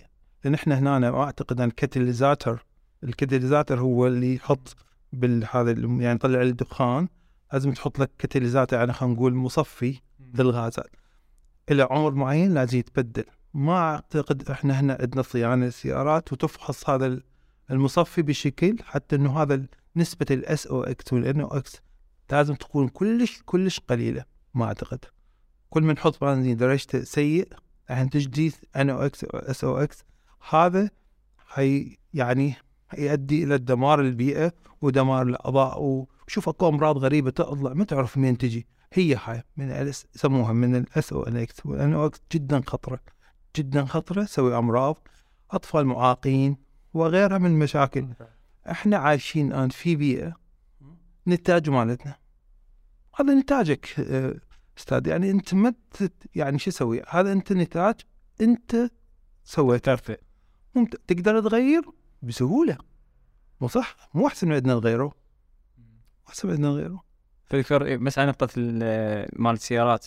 هذا المصفي أي واحد يقدر يشتري يركبه طب أكو ناس مختصين. طب لازم يحطون أجهزة تفحص إنه هذا إيش قد يعني محطات خاصة تفحص إيش قد يطلع هذا من نسبة الاس هذا العادم. العادم لازم درجاته قليلة. نسبة ال- نسب الأوكتان نمبر اللي موجود بالبنزين لازم لازم مقاسه بشكل صحيح حتى يكون التفاعل صحيح حتى خروج الغاز هذا يكون قليل. يعني كلها مسألة مرتبطة شيء بشيء. ما أعتقد أنا على ما شفته إنه أكو سيارات نحن كلها مثاليه وتخضع للهيجي فبالتالي إحنا عايشين في بيئة إذا ما نغيرها إحنا كنا نتحد من قطعة البلاستيك إلى سيارات إلى غيرها. لازم إحنا نتفق إنه الموضوع مو سهل. ماكو شيء مفتوح وإحنا يجينا هواء طيب وينزل لنا. هواء طيب هو إحنا إحنا نحاول هو نعمة من رب العالمين. إحنا نحاول إحنا نزيد السوء وإحنا نقدر نحاول ننظفه. يعني أنا بصراحة من الناس اللي أفضل تكون النباتات لأن هي مربوط بالقصة. النباتات تكون داخل البيت في صالات الجلوس فقط مو بغرف النوم. ليش؟ لأن النبات يعطيك أكسجين الصبح ويعطيك نشاط. بس مع الأسف أنه هو. راح يعطيك سي أو 2 إضافي في المساء هاي هم صدمة جديدة دكتور. أصلا آه، حاليا حاليا اللي يجيبون نباتات هو يجيبه بالغرفة يقول لك أنا لا. هذا يزيد عملية ال... إحنا جبناها القتل. يعني أنت ال- نظام الشجرة من الله يعني هو نظام طبيعي يسموه. تنتج لنا الأكسجين صباحا. اشعه الشمس تجينا تنتج أكسجين. فتصير العملية هاي الصبح. فهي تسحب ال CO2 هي تسحب من الله. النباتات هي تسحب أو الأشجار والغابات وهاي كلها تسحب الغاز المو زين ال CO2 تمصه وتعطينا بمكانه أكسجين. أكسجين. أوكي تركيب الضوئي وهذا نعرفه كلنا. بس مع الأسف بالمساء شو تسوي؟ تنتج لنا السي أو 2 اللي خزنته طلع لنا بالليل فبالتالي نصيحة خطورته عاليه جدا عالية. لأن أنت أنت يعني هو بعد ما ملوث الجو. وحكينا التلوث ومشاكله بعد نرجع مرة ثانية نحط بعد نبته مرات بنية طيبة هو جايبها يتوقع. وأكيد أنا ما بس أنصح كل واحد يطلع ال- النبتة ويحطها في الصالات. باعتبار إنه ما راح تنام بالصالة. إي بالضبط. الصالة هي حركة بيها. وأكيد الصباح هي أكثر شيء بيها حركة يكونون حتى المساء يكون يعني أكيد شيء مفتوح. فتسحب يعني يكون اكو بس مو نوم النوم عمق تعرف بس يعني أنت بعد تفقد بعد كل تركيزك فيبقى بس التنفس يشتغل. فبالتالي أنت تنفس ما هو نتاج الغرفة مالتك. فلما يكون صحي فأنت تعيش مرتاح ونفسك يعني زين وطول يعني. لأن كل نوم عمق يزيد لك سنوات أكثر. مم. يا أما العكس إنه أنت تنام قلق وأنت أصلا غازات تأخذها وبالتالي تشوف نفسك تقعد من النوم كلش تعبان ومكسر. وأعتقد أغلب الناس الآن اللي يقعدون من النوم هاي يمكن هاي يقول لك يا أما air condition مو زين أو مد... هي ما مسألة أنت تقدر تسوي setting درجة الحراره مالته يعني حتى تصير 25 26 ما ياثر فبالتالي أنت نتيجة التلوث اللي إحنا عايشين به فذكر جزئية السبلت آه، أكو أكو رقم مثالي هم يعني هو درجة حرارة الغرفة يسموها. هي من 24 25 يعني هي درجة حرارة مثالية. خلينا 16 و 18 لا هذا غلط طبعا. لأن إحنا خلينا نقول جس حرارة جسم الإنسان هي 37 صح؟ 37 ونص. درجة حرارة الإنسان يعني جلد يعني طبيعية. فأنت أكيد من تريد تحط له المناسب يسموه ال 25 فرق تقريبا 10 درجات يكون مناسب حتى يتنفس الجلد ويفرز إفرازات طبيعية. أنت تحتاجها هاي تعرف الجلد هم يتنفس ويفرز وهاي الشغله العملية تدور بهالأجواء. ما تقدر أنت 17 ما تلحق بعد إنه تعطي فرصة إن جسمك يتخلص من السموم. فتقعد ادخمون ممتاز في أنت مكسر لأن أنت ما اعطيت ما أعطيت جو مثالي لهذا الشيء. فإحنا نقول نوم عزيزة بينما يعني وإحنا كلنا النوم ما عندنا تفاسير حقيقية للكلام اللي نحكي. يعني نحكي كلام كل يعني نحطه على فت... على اللاقات أو يعني بالضبط. مكانات يعني خلاص هاي قال هيك و... ليش قال هيك؟ أكو سبب يعني. كل شيء له سبب. بينما الموضوع ما يحتاج إنه نجام نروح لأن هو راجع علينا بالاخير وإحنا جبناها يعني إذا بقينا على هالوضعية بدون معالجة حقيقية راح تزداد أضعاف أضعاف من نشوفه اليوم من مشاكل وأمراض لأن هذا هو نتاج نتاج. يعني إحنا هو ما يقول لك شو يسوي لك؟ يعني هذا نتاج مالتك. هل نقدر نغير؟ أكيد نقدر نغير. إحنا بدينا. أنا أحب إنه أحط المشكلة وأحط الحلول يمها صح؟ الحل ما نبدي من عندنا. 100% إحنا نبدي فكرة التيشيرت. مثلا إحنا ها نحط مثلا مثلا شلون أني آه، أحط فلاتر للجو. شنو شلون شنو راح تفيدني وشلون يعني فكرة جدا بسيطة لو إحنا نسويها نحط فلاتر إن إحنا نصنعها رخيصة جدا بسيطة جدا وإحنا نحطها فلاتر تفلتر لنا الهواء زين الهواء إيش بيه؟ الهواء إحنا لأن إحنا بيئة ترابية وبيئة هذا وأكيد إحنا عدنا نحكي انه الوست ما معامل بطريقه صحيحة صح؟ والنفايات موجودة ومكدسة صح لو بحرقه وغيره موجودة م. فأكيد الهواء يكون محمل بال بال ال- افضلات ممتاز. الأغبية التلوثية اللي هي هم نهاية تصير عبء على الرئة وعلى جسم الإنسان. مجرد بسيطة. جيب أوراق الأي 4 يعني أوراق العادية هذه اي 4 ورقة اي 4 وتجيب ورقة ورقتين ها؟ تزرفها تزريف عادي. زروف يعني مال دمبوز تزرفها تزرفها وتجيب أوراق مرتين مثلين بالجهة الثانية. أوكي؟ هم تزرفها زروف زين. وتحط بيناتهم قطعة من الاسفنج أي بس خفيفة جدا. كل ما تكون خفيف يكون أفضل وتلصقها وتعلقها وتعلقها في مكان عالي. هاي مكانات. فيصير مصدات للهواء. يعني أي مكان بالسقف ممتاز. لا لا أنت تعلقها. يعني ها أنت تخليه نازلة. آه، حتى تصير مصدات إلي للهواء. تتخيل إنه الهواء يتحرك داخل الغرفه بس إحنا قاعدين. تتخيل الهواء مو ثابت الآن. امم يتحرك. ممتاز. يعني مهما كان هو دا يتحرك. ولو بطيء جدا بدا يتحرك. إحنا هاي الحركة نريدها. إنه هو تبي يتحرك دا ينقي من ينصدم بهاي الورقة؟ وحيد فلت وفلتر. انت متأكد يعني لو سويت تجربة ورا أسبوع لو طلع ال- الاسفنجه قهوه سوداء سوداء ممتاز. هذا الأسود كله في صدرك. أتخيل مثل هاي مالت ال split من نفتحها ممتاز. بس انت إيش مسويها؟ هي شنو كلفتها هذه؟ مو صح أستاذ فيفترض إنه اخلي هواي لو شوية لو. أنت إيش قد ما تريد أنت حط هي مو غلط. مو صحيح أنت هاي إيش قد ما تمسك هي. تمسك هاي المصدات تسميها مصدات. تفلتر لك الهواء. أنت جسمك حيرتاح نحكي عندنا أطفال. 100% آه ممتاز. فأنت أكيد أنت هاي يعني يعني يمكن هاي كلفتها يمكن ما يمكن واحد يعني ألف دينار والله ما تسوي ألف دينار ممكن يمكن تشتري كميه كبيرة يعني. فأنت خلقت جو صحي بداخل بيتك هسه على الأقل إحنا داخل بيت نبدي وبعدين نطلع برا. فهاي يعني فالشيء الطبيعي سهل. فدكتور كشعور أنا ما راح أحس نتغير شيء بس كنتيجة راح أحس أنت شوف ورا الشهر أو ورا أسبوعين من رح تسحب الاسفنجه وتشوفها بعينك هذا كله حيدخل في صدر صدرك. صدر أهلك صدر المحبين لك صدر أولادك أطفالك وهكذا. أنت يعني الجسم ساعدته إنه ينظف نفسه ألغى الجزئيه وبشيء ما يكلف. هاي واحدة من جزء من الأشياء.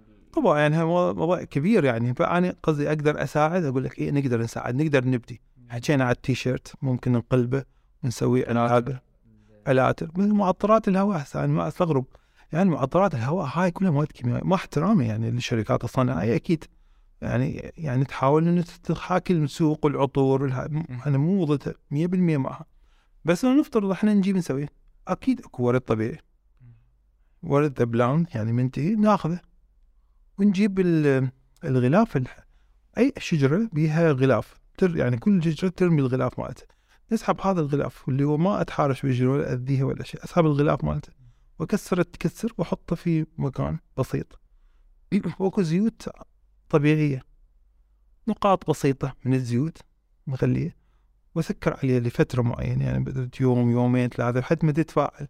الخشب يتفاعل مع الزيوت هذه ويتفاعل مع المكونات اللي إحنا سويناها. ونتركها فترة وبعدين نفتحها وتأخذ العطر. فالعذر هذا للجو جدا. هذا أول شيء. للجو تستعمل أي مكان تحطه في الملابس بالبخور دكتور؟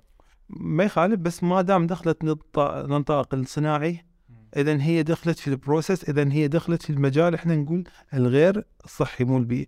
هاي أمور طبيعية. حكيت لك الورده يعني إحنا إذا نصنعها هي من الطبيعه صح؟ نتاج من عندنا نتاج طبيعتنا نتاج زراعتنا. دكتور عندي شغلة صغيرة. هسه اللي يسمع يقول الحكي okay حكي حلو. هاي آه، انت مجربها شخصيا؟ أكيد. اذا تريد تجي وياي؟ عندي جايب وياي. أنا أصلا من هناك فانت أنا تختار مسوي. الورده اللي تريدها بالعطر اللي. تريده. اي بالضبط. وهو يعني يعني تتخيل أنت تشتري بفلوس حتى أنت دخل مواد كيماوية للبيت. إحنا ح- إحنا حكينا على الجد الهواء ملوث. وتجي أنت تزود لي إياه بمواد كيميائيه زيد لي التلوث زود لي النفس بعد ماكو فتخيل إحنا وين وصلنا؟ فإحنا أخذنا شوية من النبات هاي بالدير شوية من العطور وشويه من ال split شوية من أصلا الشركات الموجودة و... ممتاز. لأنه هسه موضوع الشركات لازم أنا أجي عليه دكتور. هسه أنا هاي كلها أشياء بالبيت وأشياء ممارسات شخصية. أي. مثلا إذا أشوف اليوم بظل أصلا النشاط الاقتصادي كلش سريع ومعامل وغيرها على سبيل المثال المطاعم أبسط شيء. ممتاز. آه، مطاعم أنا بشكل شخصي مثلا آه، أشوف مطاعم وأتعامل وياهم أو أشوف كمية الهدر جاي يصير. ما يخالف. أو أصلا الناس جاي توصي أكل صح. وجاي يصير هدر. آه، فهاي شلون إيش قد جاي تأثر؟ وش يعني هل اكو حلول لها شلون ممكن يعني ممتاز. هاكو حلول بيها عندي حلين لها وحلول موجودة إي موجودة. ناخذ الحل الأول. إحنا أصلا المعمل اللي إحنا سويناه اللي هو اشتغل مده عشر سنوات وحقق آه، جائزة نوبل البروفيسور مالتي أخذها وإنتج كهرباء لمدينة 3000 شخص يعيشون بيها وبيها معملين. المدينة من الصبح لليل ما تنقض عنها الكهرباء ناكل ونشرب كله من ال waste. باستخدام النفايات. باستخدام المواد العضوية أصلا هي أصلا مال المطاعم والنفايات والمواد الزراعية يعني والأشجار يعني الأشجار المريضة كنا نقطعها. فتخيل لمدة عشر سنين بدون توقف المعمل صديق للبيئة جدا صغير جدا ينتج توب يعني اثنين ونص ميجا وات مدينة 3000 شخص كنا عايشين بيها 100% كان كل حياتنا المدينة انتقلت من مدينة كان بها تلوث إلى الآن تسموها ال zero pollution يعني الصفر. مدينة بها قطرة المدينة. بعدين صارت جنوب النمسا. اللي أنا درست بيها الماجستير والدكتوراه مالتي سوينا البحث بيها تخيل إحنا قدرنا نحول مدينة. دكتور ناي سولف هل هناك شعور يعني النفس والجو يختلف؟ هل أنت من جيت هنا تحس يعني؟ هي يعني إذا احكي لك بالعكس إنه أنا جيت هنا صار عندي التهاب حاد بالقصبات. من وراء قوه التلوث والهاي اللي إحنا يعني الناس اللي عايش في ما شعر بي لأن هو بنص ال... لأن أنت عايشين بنص ومتعلمين على يعني الجسم يقاوم ويطي. وأنا هناك أنا كنت أنام بعمق حقيقي لما أقدر أنام؟ حقيقة يعني. يعني لما انام يمكن ساعتين ثلاثة بدأ أحس بهذا العمق بالنوم؟ ليش ما إحنا حكينا إنه تعرف الغبار؟ حكينا السي أو 2 نسبته أنا متأكد عالية ونسبة السي أو هم عالية بس مو ق- القتل بس موجودة. آه، الانغلاق لأن الدنيا حارة فكل كل الشبابيك مغلقة فالانغلاق هذا يؤدي إلى التسمم تعرف يعني. بتحس نفسك مكسر تحس نفسك ما شبع عنه إحنا بالشتاء مغلق وإحنا بالصيف مغلق. فاحنا عايشين حياة خطرة حقيقة لأن التهوية مهمة. 100% فموضوع المطاعم دكتور آه، يعني نرجع للمطاعم. فإحنا حكينا انه هم أصلا أصلا هم يت... إحنا ندفع عليهم فلوس حتى يجيبون يعني إحنا أصلا هو المطعم الويست مالته هو كان يحصل عليه فلوس. فأكيد فهم أكو مطاعم هم أكو عندهم جزء يعني يروح ويتبدل فهم كانوا أصلا يعني يعني هم أصلا يعني يأخذون فلوس مقابل إنهم يجيبون ال... إحنا نسوي كولكت يعني تجمعه من المطاعم فبالعكس هم أصلا مستفادين. هاي النقطة الأولى. آه، ثاني شيء من المطاعم مسألة ال ال ال- ال waste مال المطاعم الشيء الثاني المهم لأن هناك وأعتقد هناك كثر الآن أنتم تو يستعملون الدهون. صحيح. آه. هناك أكيد من هواي دهون والآن بدأت هاي الموجة مال الدهن. آه اشتغلت بمشروع. يعني 2019 خلصته وكان هو عندنا مؤتمر كان بروم عليه. الدهون أخذناها حولناها إلى وقود عضوي اللي هو ال bio ال diesel bio gas. هذا ها- سويناه فالدهون قام الآن دهون هم من المكملات هي الدهون مال الأكل. كان يحيرون وين يدوها ما تحط طمروها مرات يحرقوها تعرف يعني مسألة معالجتها معقدة. لأن تعرف همينة يعني مرة بدرجات حرارة عالية ومحترقة أكثر من مرة. فبعد بحوث كثيرة أخيرا سوينا هاي وكثير دول أوروبية سوتها وأغلبها إيطاليا يعني هي يعني تميزت بي سحبنا الدهون. مال المطاعم بالضبط مال المطاعم اللي هي المشهورة الماركات المعروفة. سحبناها وسويناها إلى وقود bio diesel أني هسه فشنو استخداماته هذا دكتور؟ هذا أنت تحطه بال باللوريات يعني النقل يعطيك مسافات ضعف المسافة لأن هذا أول شيء احتراقه 100% مو احتراقه مثل 70% و30% يطلع لي غاز أسود إذا بدي أشوفه بالطبع ما بي متخلف ما بي وهذا أصلا هو ما بي تخلف لأن هو هذا يسموه ال bio يعني هو هذا الطبيعي جدا. فالتخلف ما ثاني شيء يستعمل بالصناعة كثير لأن هو يسموه يغسل الغازات. إحنا نحتاج الغاز هاي المواد يسموها ال solvent المذيبات. نحتاجها حتى نغسل الغازات نغسل الفلاتر أكو بعض الأحيان. فنحتاجها كميات كبيرة جدا. فهاي يعني إذا إحنا نجيبها من الطبيعة بايو يعني أصلا هي إحنا جايبيها من الطبيعة معالجيها فهي صديقة للبيئة. يعني حتى لو نروح نستهلكها مرة ثانية فهي ما حتأثر البيئة. عكس المذيبات اللي إحنا نجيبها من مواد كيميائية هي تكون مضرة صح؟ تساعدني بغسل الغازات أو بالصناعة بشكل عام بس هي ترجع هم من مواد مضرة. فهذا المنتج صديق للبيئة جدا 100% ويستعمل كثير في عملية النقل الطويل لأنه هو أصلا احتراقه 100% مو احتراقه 70% فيعطيني إضافة في ال- فد فد يعني إذا تقطع مثلا 1000 كيلومتر هاي تضغط لي 1000 و خلينا نقول 600 كيلومتر بعد يضيف لي كم مسافة طويلة. راح يقلل التلوث وراح يساعدني في إنه يعني احافظ الفوائد من كل من كل. فأنت كل شيء ماكو شيء بال بال بالكون إيش شيء زائد فائض على الإنسان. الكون متكامل خلينا نقول هيك يعني كل شيء أنت يفيض عن حاجتك يسموه فائض. هو يفضل عن حاجتك ويسموه فضلات يفضل بس هو بالطرف الثاني هو مفيد. يعني ماكو شيء هو اسمه waste يعني هو نقول باللغة العامية الزبل يعني فشي يروح مو زين. يعني وين وين يروح أصلا؟ ممتاز. فهي شيء متكامل يعني أو أول قانون thermodynamic اللي هو يدرس بكل دول العالم بالعراق وأي مدينة إنه ماكو المادة لا تفنى ولا تستحدث يعني ماكو شيء أنت سويته بعدين راح انتهى. هي موجودة أصلا. هي نفس بس أنت ما عرفت شلون تستغلها. يعني هسه أنا هذا كيس الزبل رميته أو كيس النايلون هذا رميته. خلص هو صار مادة. اذا أنا لو هو إحنا هسه شخصيا بالنسبة لي انتهي أنت بالنسبة لي أنا تخلصت من عدة. وهي المشكلة هاي. هي دكتور ثاني إنه ذبوهن يعني مفرد ذبوهن. أها. لأن فعليا إحنا موجودات اذا هي هي القانون الأول. ثرمودايناميك ما نطلع عنه. مادة موجودة. ها؟ أنت نسبة لك بس هي ما راحت انتهت. يعني خلص. موجودة بس أنت ما استغلتها فيها أو أو أنت يعني طمرتها. يعني بس ما حليت المشكلة مالتها. إن هي وقت موجودة. دكتور ان كارثة أعظم يذبون بالماء. هاي المأساة هاي بعد فدكتور جبناها على موضوع ال- المطاعم والمخلفات مالتهم. هسه إحنا حلو إن نحكي بالحلول وتجربة مالتكم اللي سويتوها. بس لو شخص يسمعنا ومهتم بهالموضوع أقدر أعرف مثلا هذا المعمل شنو يحتاج؟ إيش قد يكلف مثلا حتى أسويه؟ هل هو شيء صعب معقد؟ أبد شيء صديق للبيئه طبعا إحنا هناك ما. ما نسوي شيء يكون هو غير صديق للبيئه يعني كل شيء حرق يكون ما موجود. هاي عندنا الهدف الرئيسي. إحنا الهدف الرئيسي هو إحنا كيف نتخلص من النفايات بطريقة بيئية صحيحة. مو هدفنا إنه ننتج شنو. الإنتاج هسه إحنا مو شيء نهائي. المهم جدا بالموضوع كله إذا نتكلم عليه حتى بالمعمل اللي اشتغلت عليه بجنوب النمسا هو هدفنا إنه إحنا كيف نتخلص من النفايات بطريقة صحية، بطريقه صديقة للبيئة، وهذا الهدف الأساسي.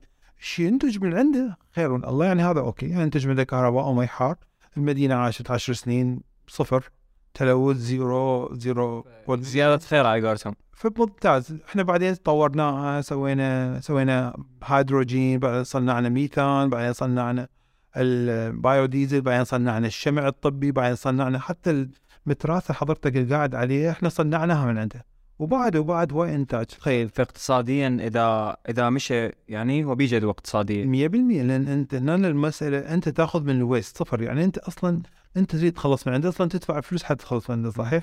فأنت كيف أنت جايك شيء صفر وأنت أصلا تدفع هواي فلوس حتى أنا أخلصك من إياه بطريقة بيئية صديقة للبيئة واصلا هي ال process كلش ممكن هواي ناس تدعم الموضوع يعني لأنه هو شيء أنا موجود وأي واحد يحب يتواصل معه بالعكس إحنا موجودين.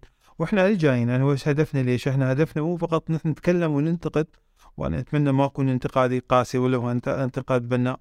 وننقل آه إحنا نكون جسر ننقل بين الثقافات وبين ليش هم يحتاجونه هم تعلموا من عندنا فترة طويلة وتعلموا رياضيات وفيزياء وكيمياء وأصحاب وما نكون فضلنا عليهم. فأكيد إحنا من ننقل من عندهم التطور مو غلط إحنا 100% تلاقح ثقافات غلط إنه نتغاضى عن الأشياء اللي جاية تصير و... لا- لازم إحنا نتواصل.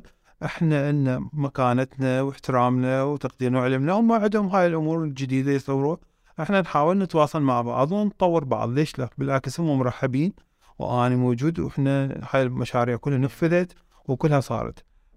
بس ال يعني نرجع إن هم شلون وصلوا لهاي المرحلة.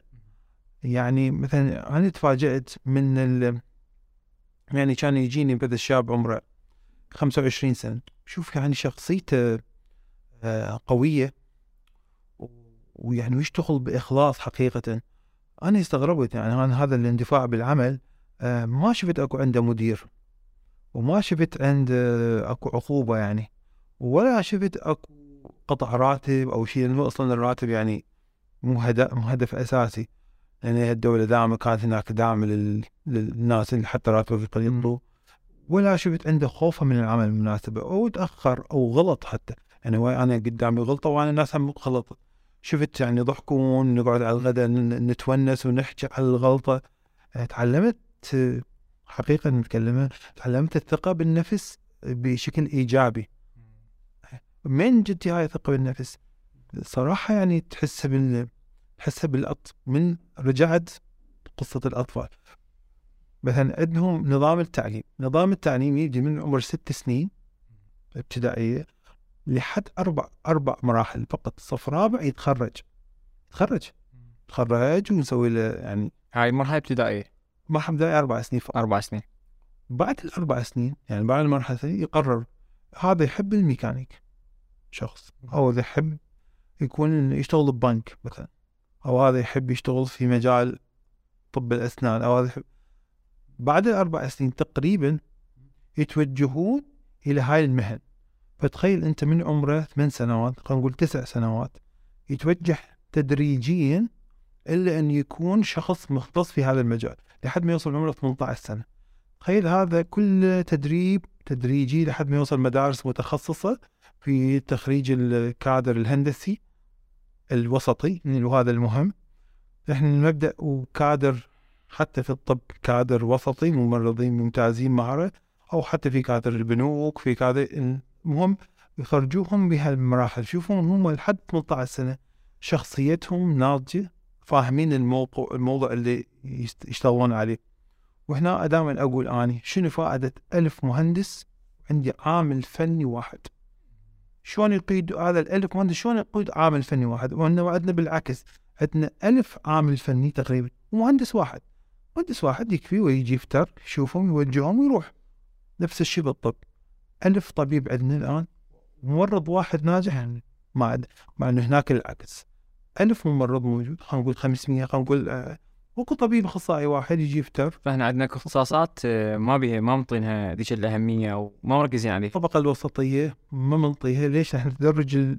يعني مس... مسألة التدرج الدراسي. الزرع الشخصية هاي مهمة الثقة بالنفس عندنا مهمة. ولهذا مثلا جبناها على البيئة. مثلا إحنا المدارس الابتدائية أنا أخذت ابني كان قريب أكو مدرسة قريبة علينا. فمن باب ال... نقول كسل بس من باب إنه امشي احطه بهاي المدرسة. بس هاي المدارس عرفت بعدين إنه كل مدرسة بيها آه، هاي المدرسة بيها اختصاص المسرح. أكو مدرسة اختصاصها اللغات. أكو مدرسة اختصاصها كرة قدم. فمو شرط شيء عام يهتمون باهتماماتك. واكو مثلا مدرسة عندهم آه، موضوع ثاني الرسم مثلا يعني. فمن رحت تخيلت إن قالوا لي إحنا اختصاصنا مسرح وهاي. أنا تخيلت الموضوع يعني مو حقيقي كلش يعني stage صغير. شفت stage حقيقي. يدخلونه يعزمونه بعد ما يقول stage حقيقي ومسرح. وأطفال صف ثالث صف ثاني صف أول ابتدائي يطلعون يدون مسرحيات. وإحنا الأهل إحنا الجمهور دائما نكون أنا استغربت. بعدين فكرت ليش ما أستغل هذا في موضوع البيئة؟ فكتبت لهم مسرحية البيئة. مثل فصول. إنه شلون الطلاب الوكحين مثلا يعني افصل لك إياها إنه إذا ما يهتمون بالبيئة والطلاب اللي يهتمون بالبيئة شنو النتيجة بالنهاية؟ إنه ذول شلون استفادوا؟ وشلون ذول السيئين صاروا ويا الطيبين فاكتمل المجتمع. منها تبدي إن تثقف هالمسرح مهم. عندك الأغاني مهمة عندك الفن مهم يعني هاي الأمور لازم الأشياء اللي نحتك بها كل يوم اللي نواجهها هاي تزرع هاي تعطيك تعطيك رسائل. رغم انه بسطاء يعني هم مو ممثلين ولا مختصين بالتمثيل. بس يعطيك رسائل للمجتمع انت شكون تبني مجتمع صح. شو قيادات هندسية قيادات أنت طبية قيادات في المجتمع البنوك ولا تطلع بطريقة صحيحة حتى توفر لك أفكار حقيقية تنتج لك معامل وبالأخير بيئة صحيحة. نبدأ ان البيئة تبدأ من الصفر من الإنسان. فانت كل ما ثقفته دخلته في مجالات كثيرة مجالات تخص الحياة فهمت قيمة الحياة فقمت قيمة المسرح الفن كل شيء له قيمة ونقدر نوظفه باتجاه إحنا ننطي رسائل للبيئة بشكل صحيح. إحنا نصعد كنا يعني تعاملك مع أولادك بشكل عام تعاملك مع المحيط سهل. لأن البناء يبدي من كل الأطراف بشكل صحيح. ما يكون من جزء واحد فقط وأنت تطلع برا يكون جزء آخر مخالف كله. فالمسألة هي تكاملية. شلون تبدي؟ تبدي من رياض الأطفال تبدي إحنا جبنا هسه مدارس. شلون نقسم شيء صحيح؟ لازم نركز على النشاطات لازم نركز على ونحط لهم يعني إحنا نسموه الفيدنج أو نحطهم تغذية بيئية صحيحة لأن هم ذولي بالأخير راح يكون يا أما مصدر قتل غير مباشر انه إذا حملوا البيئة صح ولا لأ؟ إحنا نكبر بالعمر يا أما هم حيساعدونا نعيش حياة اني صحية بقد أقصى فترة ممكنة. صح ولا لا؟ فبالتالي هو عم يضمن نفسه يعيش حياة نقول بشكل عام يعني ما نقول هم كلش زين يعني بشكل عام تكون حياته صحيحة سرطانات قليلة الأمراض قليلة الأمراض حتى البسيطة الإنفلونزا غير شوف يعني دروب بها نزول مو مثل الصعود يعني ما بيها الرعب هذا. فمسألة هي مسألة تكاملية. قد ما إحنا نعاملها من بداية نكون هي الطفل هو مسؤول مثل ما يكون الكهل مسؤول مثل الرجل الكبير مسؤول المرأة مسؤولة كلنا مسؤولين. إذا نتعاون بهالطريقة شوف إحنا هذا حيأثر بالمستقبل. صدقني هذا الشيء لن نتهاون في أمور هاي البسيطة.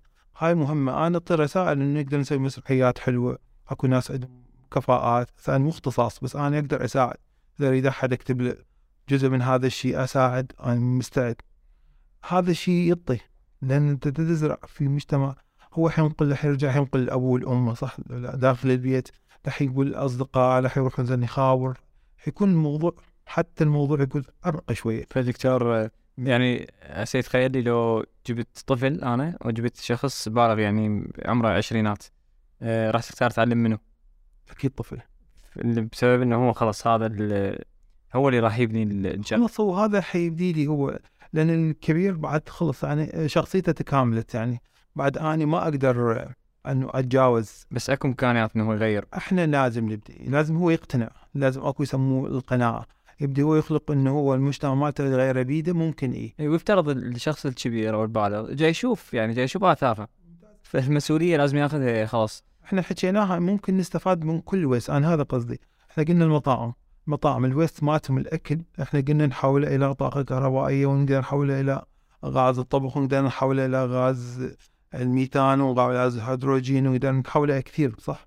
إحنا أحسن من نرميه وما نعرف وين ممتاز. يبقى لنا الدهن شو نسوي؟ نقدر إيه نقدر نحوله نقدر نحوله أحسن من نرميه في المجاري والصرف الصحي ولا يلوث الصرف الصحي وحصل مشاكل في تنقية المياه. تعرف كل الصب في تنقية المياه عملية فصل. مشكلة كبيرة. أنا أسحبه هذا وأشتريه من عنده في مبلغ بسيط حتى يتخلص هو من هو هو عنده محاير وين يتخلص من عنده لأن الدهن ما يصير يعني ينحمي أكثر من خمس مرات لأن هاي يرتفع من درجة حرارة 170 إذا ارتفع أكثر من 170 أي دهن مال القلع هذا حيسبب يعني يسموه من اللي تتكسر العناصر فيسووا سرطان. يعني أمراض تسبب أمراض سرطانية. فما يصير تعيدها أكثر من مرة. يعني أنت حدك أكثر شيء ثلاث مرات أربع مرات. ودرجه حرارة أقصى شيء 170 سنتيغراد ما يصير ينحمي أكثر وينعاد أكثر وينعاد أكثر لأن هذا هم سبب إنه نحن نأكل أكل س- سام وراح يؤدي إلى زيادة المشكلة أصلا. ف ان كان طبيعة الأكل يمكن من. التيست مالته تشوف إنه أنت تأكل في شيء ثقيل أصلا. ومن أكل دهن حقيقي أشوف انت الأكل مالتك صحي؟ لأن الجسم ياسن حيستقبل. وهذا تحسه أنت أصلا. فبالتالي إحنا مسألة ال waste موجودة. هي إحنا نحكي مو على موضوع أمطار موسمية تجي البصرة. ممكن سنة تجي وعشر سنين ما تجي صح ولا لا؟ يعني هذا شيء موجود بشكل يوم إحنا الفرد بالعالم بالعالم ينتج 1.5 كيلوغرام باليوم. هذا ال standard عالي كل إنسان بالعالم كيلو ونص. كيلو ونص هذا معدل من 0.7 طبعا دول متقدمة جدا إلى 1 العراق والمنطقة شغل تنتج 2.5 يعني 2.5 كيلو جرام باليوم. كل إنسان ينتج 2.5 كيلو جرام ويست زبل نسموه نفايات صلب نفايات الصلب المنزلية. إحنا إنتاجنا هذا. فتخيل أنت على مستوى 40 مليون. آه. آه، دكتور العفو. آه، إيش قد تحس روحك تستهلك كفرد؟ نعم. كفرد إيش قد تستهلك أنت؟ أني ك... كفرد. أنا أستهلك أقل شيء 0.7 يعني. أنا منظم نفسي إنه يعني أقل من كيلو؟ أكيد. أقل من كيلو بس باليوم أني أطلع الويست. بس ش- أنا شفت هنا الطبيعي ينتجون أكثر الشخص الواحد ينتج اثنين ونص كيلو. تخيل أنت اثنين ونص كل يوم تجي هذا مو مسألة خيارية مسألة اجباريه وأنت عندك- عندك اعياد تنتج 2.5 يعني اثنين. عندك عطل تنتج اثنين ونص عندك دوام تنتج اثنين ونص عندك سفر تنتج صح دكتور. المسألة هي يومية إنتاج. 100%. هذا بالطبيعي أنا جاي أتخيل اكو أكو مضار ثانية يعني على سبيل المثال جبتها على السفرات وغيرها. إيه. مثلا آه، أضرار بالنباتات مثل الشوي وغيرها يشوي السمك. شنو ي... يعني شنو؟ يعني مشكلة إنه إحنا حتى لو آه، يعني إحنا هنا بالعراق جينا نحكي بالبصره عن السمك بس يعني المفاجأة كبيرة إنه هو أنا ما عندي مشكلة إنه الشوي آه، طعمه لذيذ وحلو بس أنا ما معقولة أحرق تقريبا تقريبا 10 كيلو جرام ها من الخشب حتى اشوي لي السمكة وزنها كيلو ونص كيلوين حتى أنا كفرد أقدر أقصى إنسان يقدر يأكل 250 جرام اني ساعة ونص ساعتين ثلاث ساعات أحرق لي 10 كيلوات. ومدمر البيئة حتى اني أكل له قطعة صغيرة. يعني أنا شوي مدا يعني أكو طرق ثانية؟ أقول لك شيء هو يعني حتى عانوا عنها في أوروبا يعني أكيد همينها. لقوا حلول. لقوا الفحم زرفوه الفحم وسموه فحم الهواء هذا الفحم ما يطلع غازات يعني يتفاعل مع الهواء بطريقة معينة بعد غازاته جدا قليلة حتى تلوث البيئة قليلة حتى يعني هذا نتيجة بحوث طويلة فإحنا لازم نوصل لمرحلة إنه صح نستمتع بالشوي وناكل مو بس لازم هم نستهلك في الشيء صديق للبيئة. ويطلع طيب المسقوف يطلع طيب نفسه يعني هو نفسه هو شوي بالمناسبة هو حيكون يعني شوي يعني هو بأي شيء فكرة واحدة بس إحنا اي خلاص يعني يعني أنت الدخان هذا ما مسألة الدخان هو أصلا هذا تلوث. أنت تحط دا يعني أنت تاكل في الشيء بيه دخان يعني أنت تاكل في الشيء بيه شوائب وبعدين بيه CO2 وبعدين بيه CO قلنا عليه تاكل يمكن الطعم يعطيك ما أعرف يعني طعم الخشب المحروق وهذا يمكن يعطيك الطعم فقط. فبالتالي هو ال- ال- أنت الدخان هذا هو مواد ضارة جدا تنزلها انت بجسمك هي هذا بس هو الخشب كمبدا هو هو نفسه الله. فأنا دكتور هسه جاي أفكر بالأشياء اللي أنت قلت إنه أصلا وجودنا عادي هيك عايشين بدون ما نسوي أي خطوة هو هذا جاي يعني مضرة وجاي يروح. فجاي أفكر بالأشياء اللي أصلا إحنا نتعمد نسويها. يعني مثلا على سبيل المثال أنا شيء عندي بي مشكلة شخصية أصلا. مثلا التدخين. يعني من أشوف الناس جاي تدخن أستغرب. يعني أنا هسه حتى الولد وأصدقائي وكلها. ما مقتنع أنا بالفكرة. أنت جاي تسوي. فمثلا التدخين يعني يعني مشكلة إنه التدخين يعني ما نقدر إحنا نقارنه بأول اخترعوا الجيجارة كانت فعلا تتن حقيقي الآن كل دخلت مواد كيميائية حتى زيادة عدد السكان فأكيد الصناعة زادت فأكيد دخلوا مواد كيميائية تنحرق مع التتن. يعني يمكن التتن صارت نسبته يمكن أقل شيء والمواد الكيميائية هي أكثر شيء. حتى تعطيك طعم التتن طعم الحرقة اللي يعني النيكوتين اللي يستمتعون به. بالتالي انت يعني ما تتخيل ان هاي الجيجارة مصنعيها وهم رايحين الكوبا جايبين الورقة هاي قاصيها ومجففيها لمدة يمكن 40 يوم وحتى ويطحنوها على كيف. هذا ما موجود هاي الكلام. هذا هذا بالخيال يعني. إحنا قلنا إن الحياة الصناعية تغيرت الآن حياته فهذا أكيد حتى يسد العدد الضخم للمدخنين. فقاموا يدخلون مواد كيميائية يحطوا تتن قليل وينتجون جيگاير رخيصة. بالتالي أنت تشرب مواد كيميائية. أنا مو ضد خلينا نقول المدخنين بس أنت تدخل مواد كيميائية تنحرق بطريقة غلط تنش- تستنشق مواد كيميائية تزيد أنت أصلا already أنت عايش في بيئة أصلا بيها بيها إحنا قلنا غازات غير صحية مع الاسف هي من نتاج مالتنا. يعني مو أحد جايبها لنا. وإحنا نتاج اليومي مالتنا إحنا بدنا نراعي الموضوع. فاكيد راح يجي عليه. يعني المسألة إحنا قلنا إنه المادة لا تفنى وإحنا شينا فاذا أنا هسه كيس الزبد اوديه اشمره هنا في عن مسافه تقريبا 500 متر أعتقد اقصى شيء هو ابتعد عنك ترى 500 متر فقط خلص الهواء ينتقل بسرعة سريعة جدا يعني. أنت ال 500 متر رحت مشيتها رجعت لك يمكن دقيقة؟ الهواء الملوث اللي أنت حطيت فيه الزبد. ونفترض إنه راح اخذوه راسا بنفس اللحظة وطمروه أو راح حرقه. فبالتالي الهواء حينقله لك بهدية مغلفين الغاز المسموم وهذا يمكن إحنا حكينا إنه هذا شوف أنت مالتك الطاولة الآن ورا يعني نص يوم تم- تتفاجئ إنه تملي شوائب. هاي شوائب وينها؟ من من جتي؟ هاي شوائب جتي من الهواء الملوث اللي تتحمله. إحنا مشوب بالعين والجرة، تحمله إحنا نستنشقه طبعا. نستنشقه مع كل المشاكل. الرئه هي تأخذ ال- العب الأكبر وجسم الإنسان هو مشكلته. هاي بعدين إذا أنت موجود بالشقه فخطيه تبحث عنك مثل فتروح تستغ فمن نترك إحنا مثلا آه، الشقه أو البيت فت فترة معينة نجي نلقى نلقى تراب. هذا جاي من التراب هذا أنت أنت الفلتر مالته أنت المصد اللي كنت عليه وهذا نتاج أنت. لك يعني احكيك في مثلا أنا رحت مرة بقيت فترة عشرة أيام بسويسرا مناطق كان منطقة كل جميلة. يعني يمكن ما ينظفون الغرفه يمكن مده سنة يعني بصراحة. على النقاء اللي شفته وعلى فعلا صداقة البيئة بكل شيء مسويه.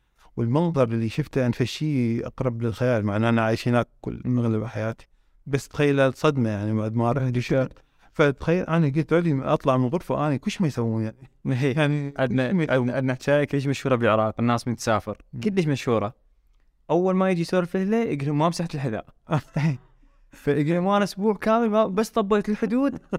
فهو هاي هذا من جاي يسموه التعري والتربة هذا. وإحنا عدم مداراة التربه لأن التربه لها طبقات. إحنا جاي انه إحنا بدنا نستهلك البيئة بطريقة غلط. فما نخلي التربة تستقل لأن ما عندنا مصدات هوائية ما عندنا أشجار ما عندنا أشجار مو مساله أشجار آه، تزرع بطريقة عشوائية لازم بطريقة ذكية حركة الرياح لازم تقراها بشكل صحيح وبالمناسبة عندي سؤال أنا أنا عندي سؤال لنفسي. شنو فا... إلى حضرتك يعني شنو فائدة أنا هسه أسس اليوم إحنا طلعنا إحنا يعني مجموعة شباب وزرعت لي مليون شجرة. مليون. ها مو مو أنا أعطيك رقم. داخلية داخل مناطق؟ أي مكان. هسه تختار لي أي مكان. وأنت بعدك نفس التلوث. أكو حل يعني أنا هو يتراولنا إنه إحنا مثلا إيه، حتى حتى ننتج إيه، أكسجين حتى ماكو تصحر. هاي حتى شكل الخضار حلو. ممتاز. بس هل أنا حليت المشكلة؟ ما حليت. إحنا نبدي عملية فصل النفايات وعملية طم فأكو عاملة إنه نبدي بالأساس بالخطوة اللي قبلها. هي حتى تساعد لي هاي الألف أو الخمسمية أو المليون شجرة تساعد إذا أنت تساعده لازم أنت تبدي شلون تتخلص من النفايات بشكل صحيح وتقلل من استهلاك النفايات. ليش تتخلص؟ أصلا أنت ليش تاكل أكثر من طاقتك؟ يعني خلينا نحكيها بطريقة ثانية. أنت بطن الإنسان ترى كبر يعني ناخذ طبيا ترى يعني مقد شفريت. يعني يعني تخيل أنت تحط ماعون؟ صحن كبير مليان رز عن هذا فوق قطع لحم ها. يعني أنت المعده مالتك هاي ها. شلون تستوعب هذا؟ يعني ما المنطق مو صح؟ لا وياها كولا وياها شربت وياها لبن. صوت بعد طيني بعد أنا ما أعرف زين هاي هاي المسكينة هاي. زين هذا الماعون يعني يعني أعرف شلون ما أقدر أفهم. زين. هو المشكلة يخس فخسف يعني.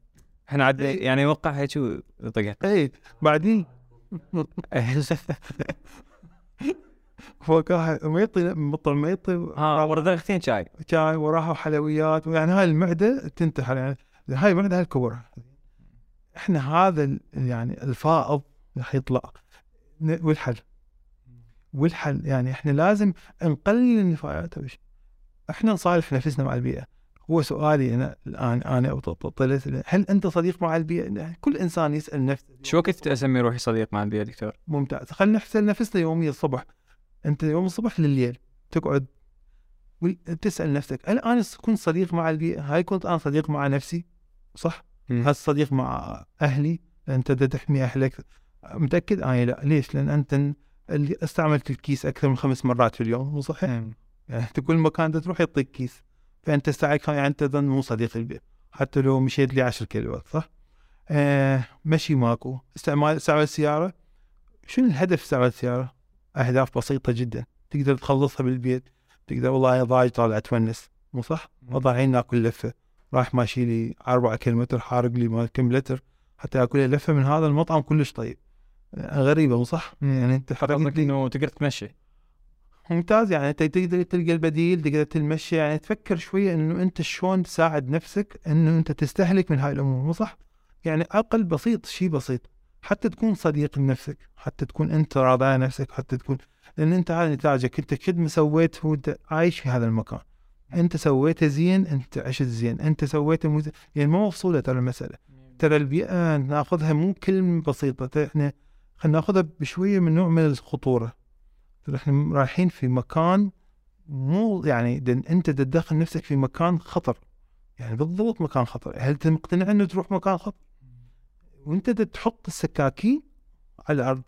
خلينا نقول بطريقة ثانية تحط الفحم على الأرض وتتمشي عليه. ممكن اللسعه الأولى تنساها. اللسعه الثانية اللي هي أول مرضى صار عندك ضيق مو صح؟ صار عندك صداع وما تعرف ليش. وصداع أخذ له حبايتين ثلاثة ومرخ هاي عباره عن شلون جمر مال فحم تمشي عليها أنت. بس بالأخير أنت حتوقف في المحل ما تقدر تمشي بعد. زين أنت ليش تمدي نفسك لهالمكان وأنت تقدر تصلح من هذا الموضوع؟ يعني ما افتهم أنا.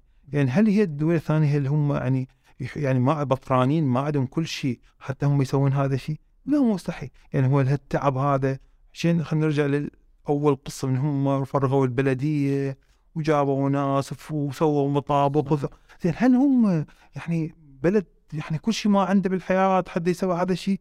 بس الهدف كلش بعيد. يعني مسألة يعني مسألة قصة طويلة مو صحيح؟ أو مثل ما نعبر لها مسألة حياة أو موت. ممتاز. وأنت المسؤول يعني دائما هذا أنا دائما أقول أنت المسؤول لا ترمي يعني أبد لا ترمي أو هاي دائما اسمعها لا ترمي شيء على مقابل. هو ما قال هو ذاك ما سوى ليش ما يسوي هذا؟ يعني اذا هو دائما إحنا نرمي وليش ما تسوي أنت؟ ليش ما نطلق هذا الهاشتاج؟ أنت المسؤول. أنت المسؤول عن كل شيء. أنت المسؤول انت تعيش صحة. وأنت المسؤول. أنت المسؤول أن تروح تركيا وتتونس وتقول الله الهواء طيب وأنت ترجع أنت هنا تقول لك هو هواء صح تجي ناس أو شيء. أنت المسؤول. يعني أنت ما تتحرك. تقول لك لا والله أنا عندي لا حتى لو أنا أغير لك هسه أنقل لك كل الفلاتر انقلها واسوي لك إياها كلش نظيفه المناطق النفط هل أنت حتتغير؟ لا. يعني إذا أنت المسؤول صح؟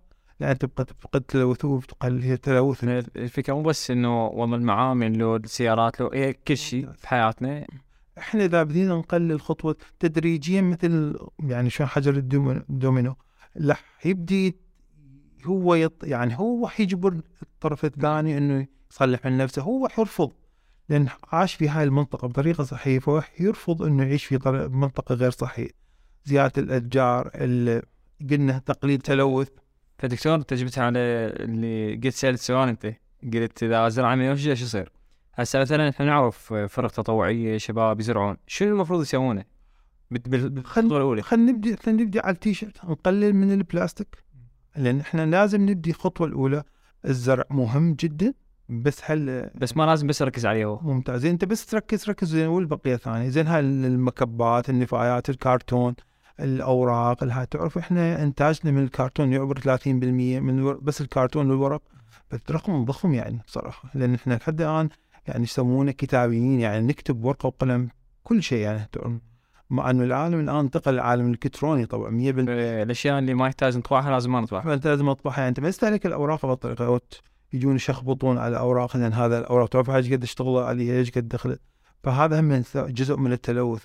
إحنا عندنا تلوث غير طبيعي يعني عندنا يعني إحنا ما عندنا لازم إحنا نثقف نفسنا أكثر في فهم التلوث وفهم البيئة أصلا يعني.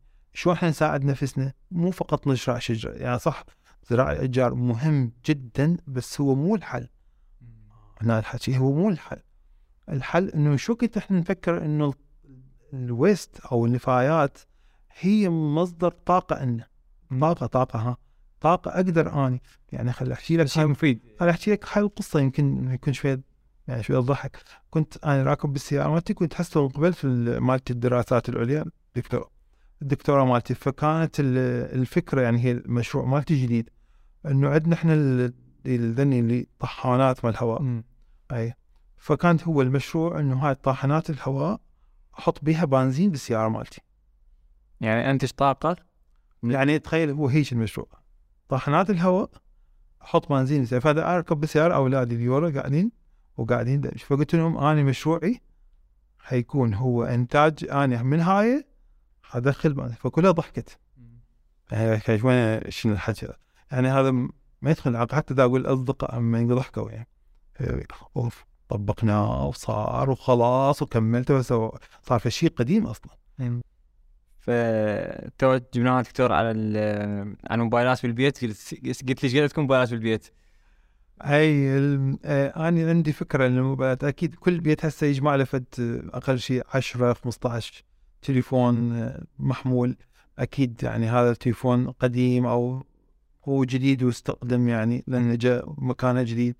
أكو ناس امكانياتها متوسطه بس أكو فد شيء ما منتبهين له الظاهر إنه تقريبا تقريبا نص البشرية إحنا 6 مليار ترى قريبا النص بس أقل شوي من النص ترى ما يعرفون شنو تليفون موبايل. آه. نص نص البشرية؟ نص البشرية. نحكي كأفريقيا؟ عندنا عوائل متعففة هواية ترى عندنا لاجئين صار مخيمات اللاجئين مو بس بالعراق شب كل دول العالم. ترى عندنا دول ترى ما شايفيه أصلا يرسمون رسم. فأنا رسالتي بصراحة أتمنى يكون هذا الشيء. ترى إحنا مو إحنا عندنا معناها كل شيء عندنا لا. ترى إحنا ما عندنا يعني إحنا ترى أكو ناس هواية ما عندهم.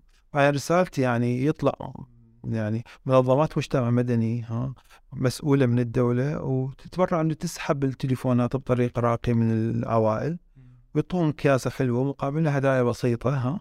تنسحب هاي التليفونات بمسؤوليتهم إنه المعلومات كلها تنمسح وما يبقى عليها أي أثر خاف الناس تخاف من هذا الموضوع وتترتب من جديد الصالح من عندها نعطي بالاعياد بالمناسبات الجميلة. هذه هدية قيمة للناس. ترى وايد أكو ناس ما عندها. ترى ما تعرف شنو تليفون touch screen ترى ما تعرف شنو معنى التليفون. ما تعرف ما شنو واتساب. ترى ما تعرف شنو ال application. صدقني إحنا نشوف جانب من ترى أكو جانب ثاني كبير جدا. تعرف هاي تزرع الفرحة إيش قد ها- تعرف هاي إيش قد حتثقفه وتقلل التلوث الموجود.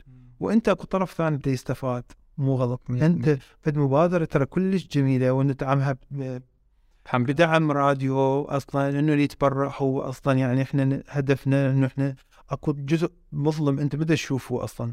ناس ممكن حتى مو شرط يستعملوه حتى ممكن يكون مصباح مو صح بيضوء ترى أكو ناس بأفريقيا ملايين ترى ما يعرفون شنو تليفون خلينا نباوع ترى عندنا أكو خيامات كبيرة كل العالم ترى ما يعرفون شنو تليفون خلينا إحنا يعني خلينا نكون شوية إحنا كرماء بشكل حقيقي مع الأمور اللي إحنا ما محتاجيها يعني بقاء هالتليفونات بالبيت وهالبطاريه تأكل نفسها وتتفاعل واصلا أنت ما محتاجها.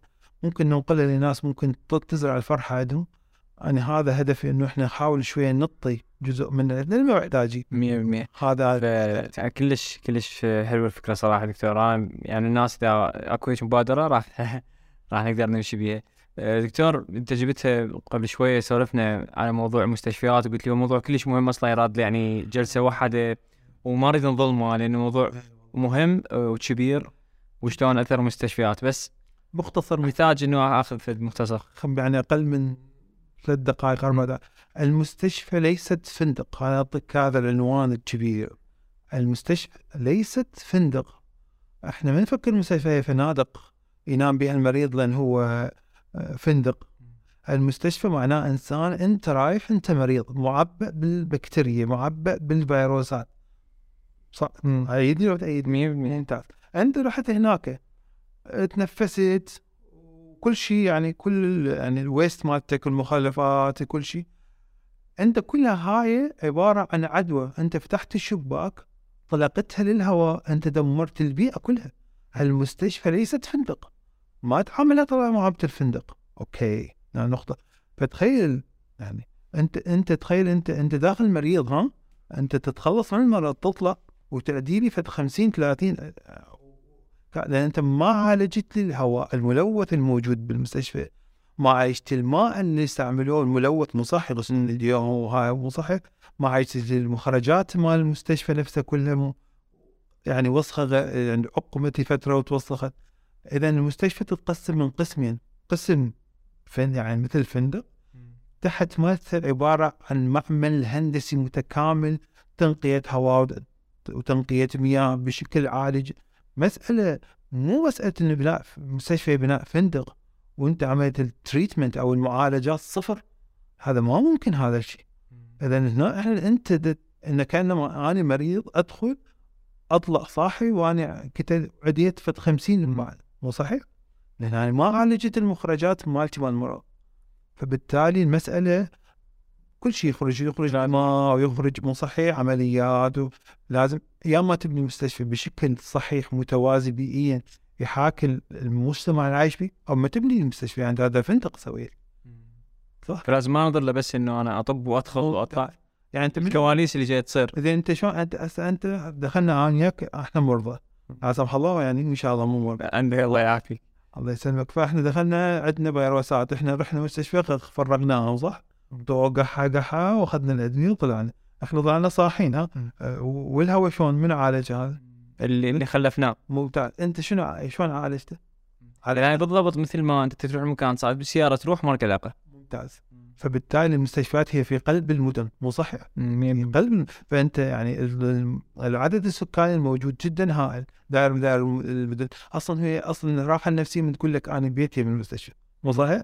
بس هو أكثر مكان يكون بي أو ب- أو امراض البيوت الساكنة قريبة من المستشفى حطيت هو يف- يفترض أصلا نخلي المستشفى بعيدة لو ما ما يا ما اما يا أما أنت تبنيها بطريقة صحيحة يا أما أنت تبني المستشفى مغلق جدا والمعالجات مبنية بال بالجو تحت مبني كامل معالجات المستشفى المياه والهواء والهواء وال... والنيتروجين تحط لك لازم وانت معقمات تحط لك كلها موجودة وين؟ موجودة جوا. مو صحيح؟ حتى تسحب كل شيء حتى تتنقى وبعدين تخرج. تخرج 100% إذا أنا أنقي الهواء الطبيعي يعني 1% لازم بالنسبة انقي مليون بالمية. صح ولا لا؟ فإذا المسألة هي مو مسألة فندق، المسألة بناء المستشفى بناء هندسي حقيقي المخلفات البيئية مالته مهمة جدا حتى تعالج بطريقه صحيحة، ولا أنا ما أسوي مستشفى أحسن، لأن شنو فائدة؟ أعالج واحد وأعدي له 20 50 مو صحيح؟ المعادلة هنا صفر، فهذا اللي ما يعني ما منتبهين عليه بطريقة أو وليش أنا قبل ما قبل ما نبدي قلت لك حتنصدم من ال... ال... إذا أنا ارجع على المستشفى بموضوع طويل فاذا تريد نحكي فيه بعدين؟ موضوع طويل. ممكن إن شاء الله. آه، دكتور أتوقع إحنا يعني هسه اذا أجي بالموجز آه، أخذنا اشياء تخص البيئه آه، فد ممارسات يحتاج إحنا نسويها بشكل يومي مثل ال- القماش ال- الماي التليفونات مرشحات. 100% العطورات وشلون البدائل مالتها المطاعم شو المفروض يسوون آه ليش المفروض إحنا نمشي مرات مو- شرط نصعد سيارة صحيح. وكل هاي تفاصيل. أنا يعني ظل أنت تجربتك كل هاي ويا تعامل ويا الناس ويا الشركات ويا كل شيء أكيد طلعت بملخص أو برسالة. أنت لو قلت اليوم عندك رسالة بظل هاي المرحلة. ممكن بعد خمس سنوات أو يعني تتغير الأشياء. بس بظل هاي المرحلة. شنو الرسالة اللي تحس تريد توصلها للناس؟ تجمع كل هاي الأشياء. أول رسالة أنت المسؤول.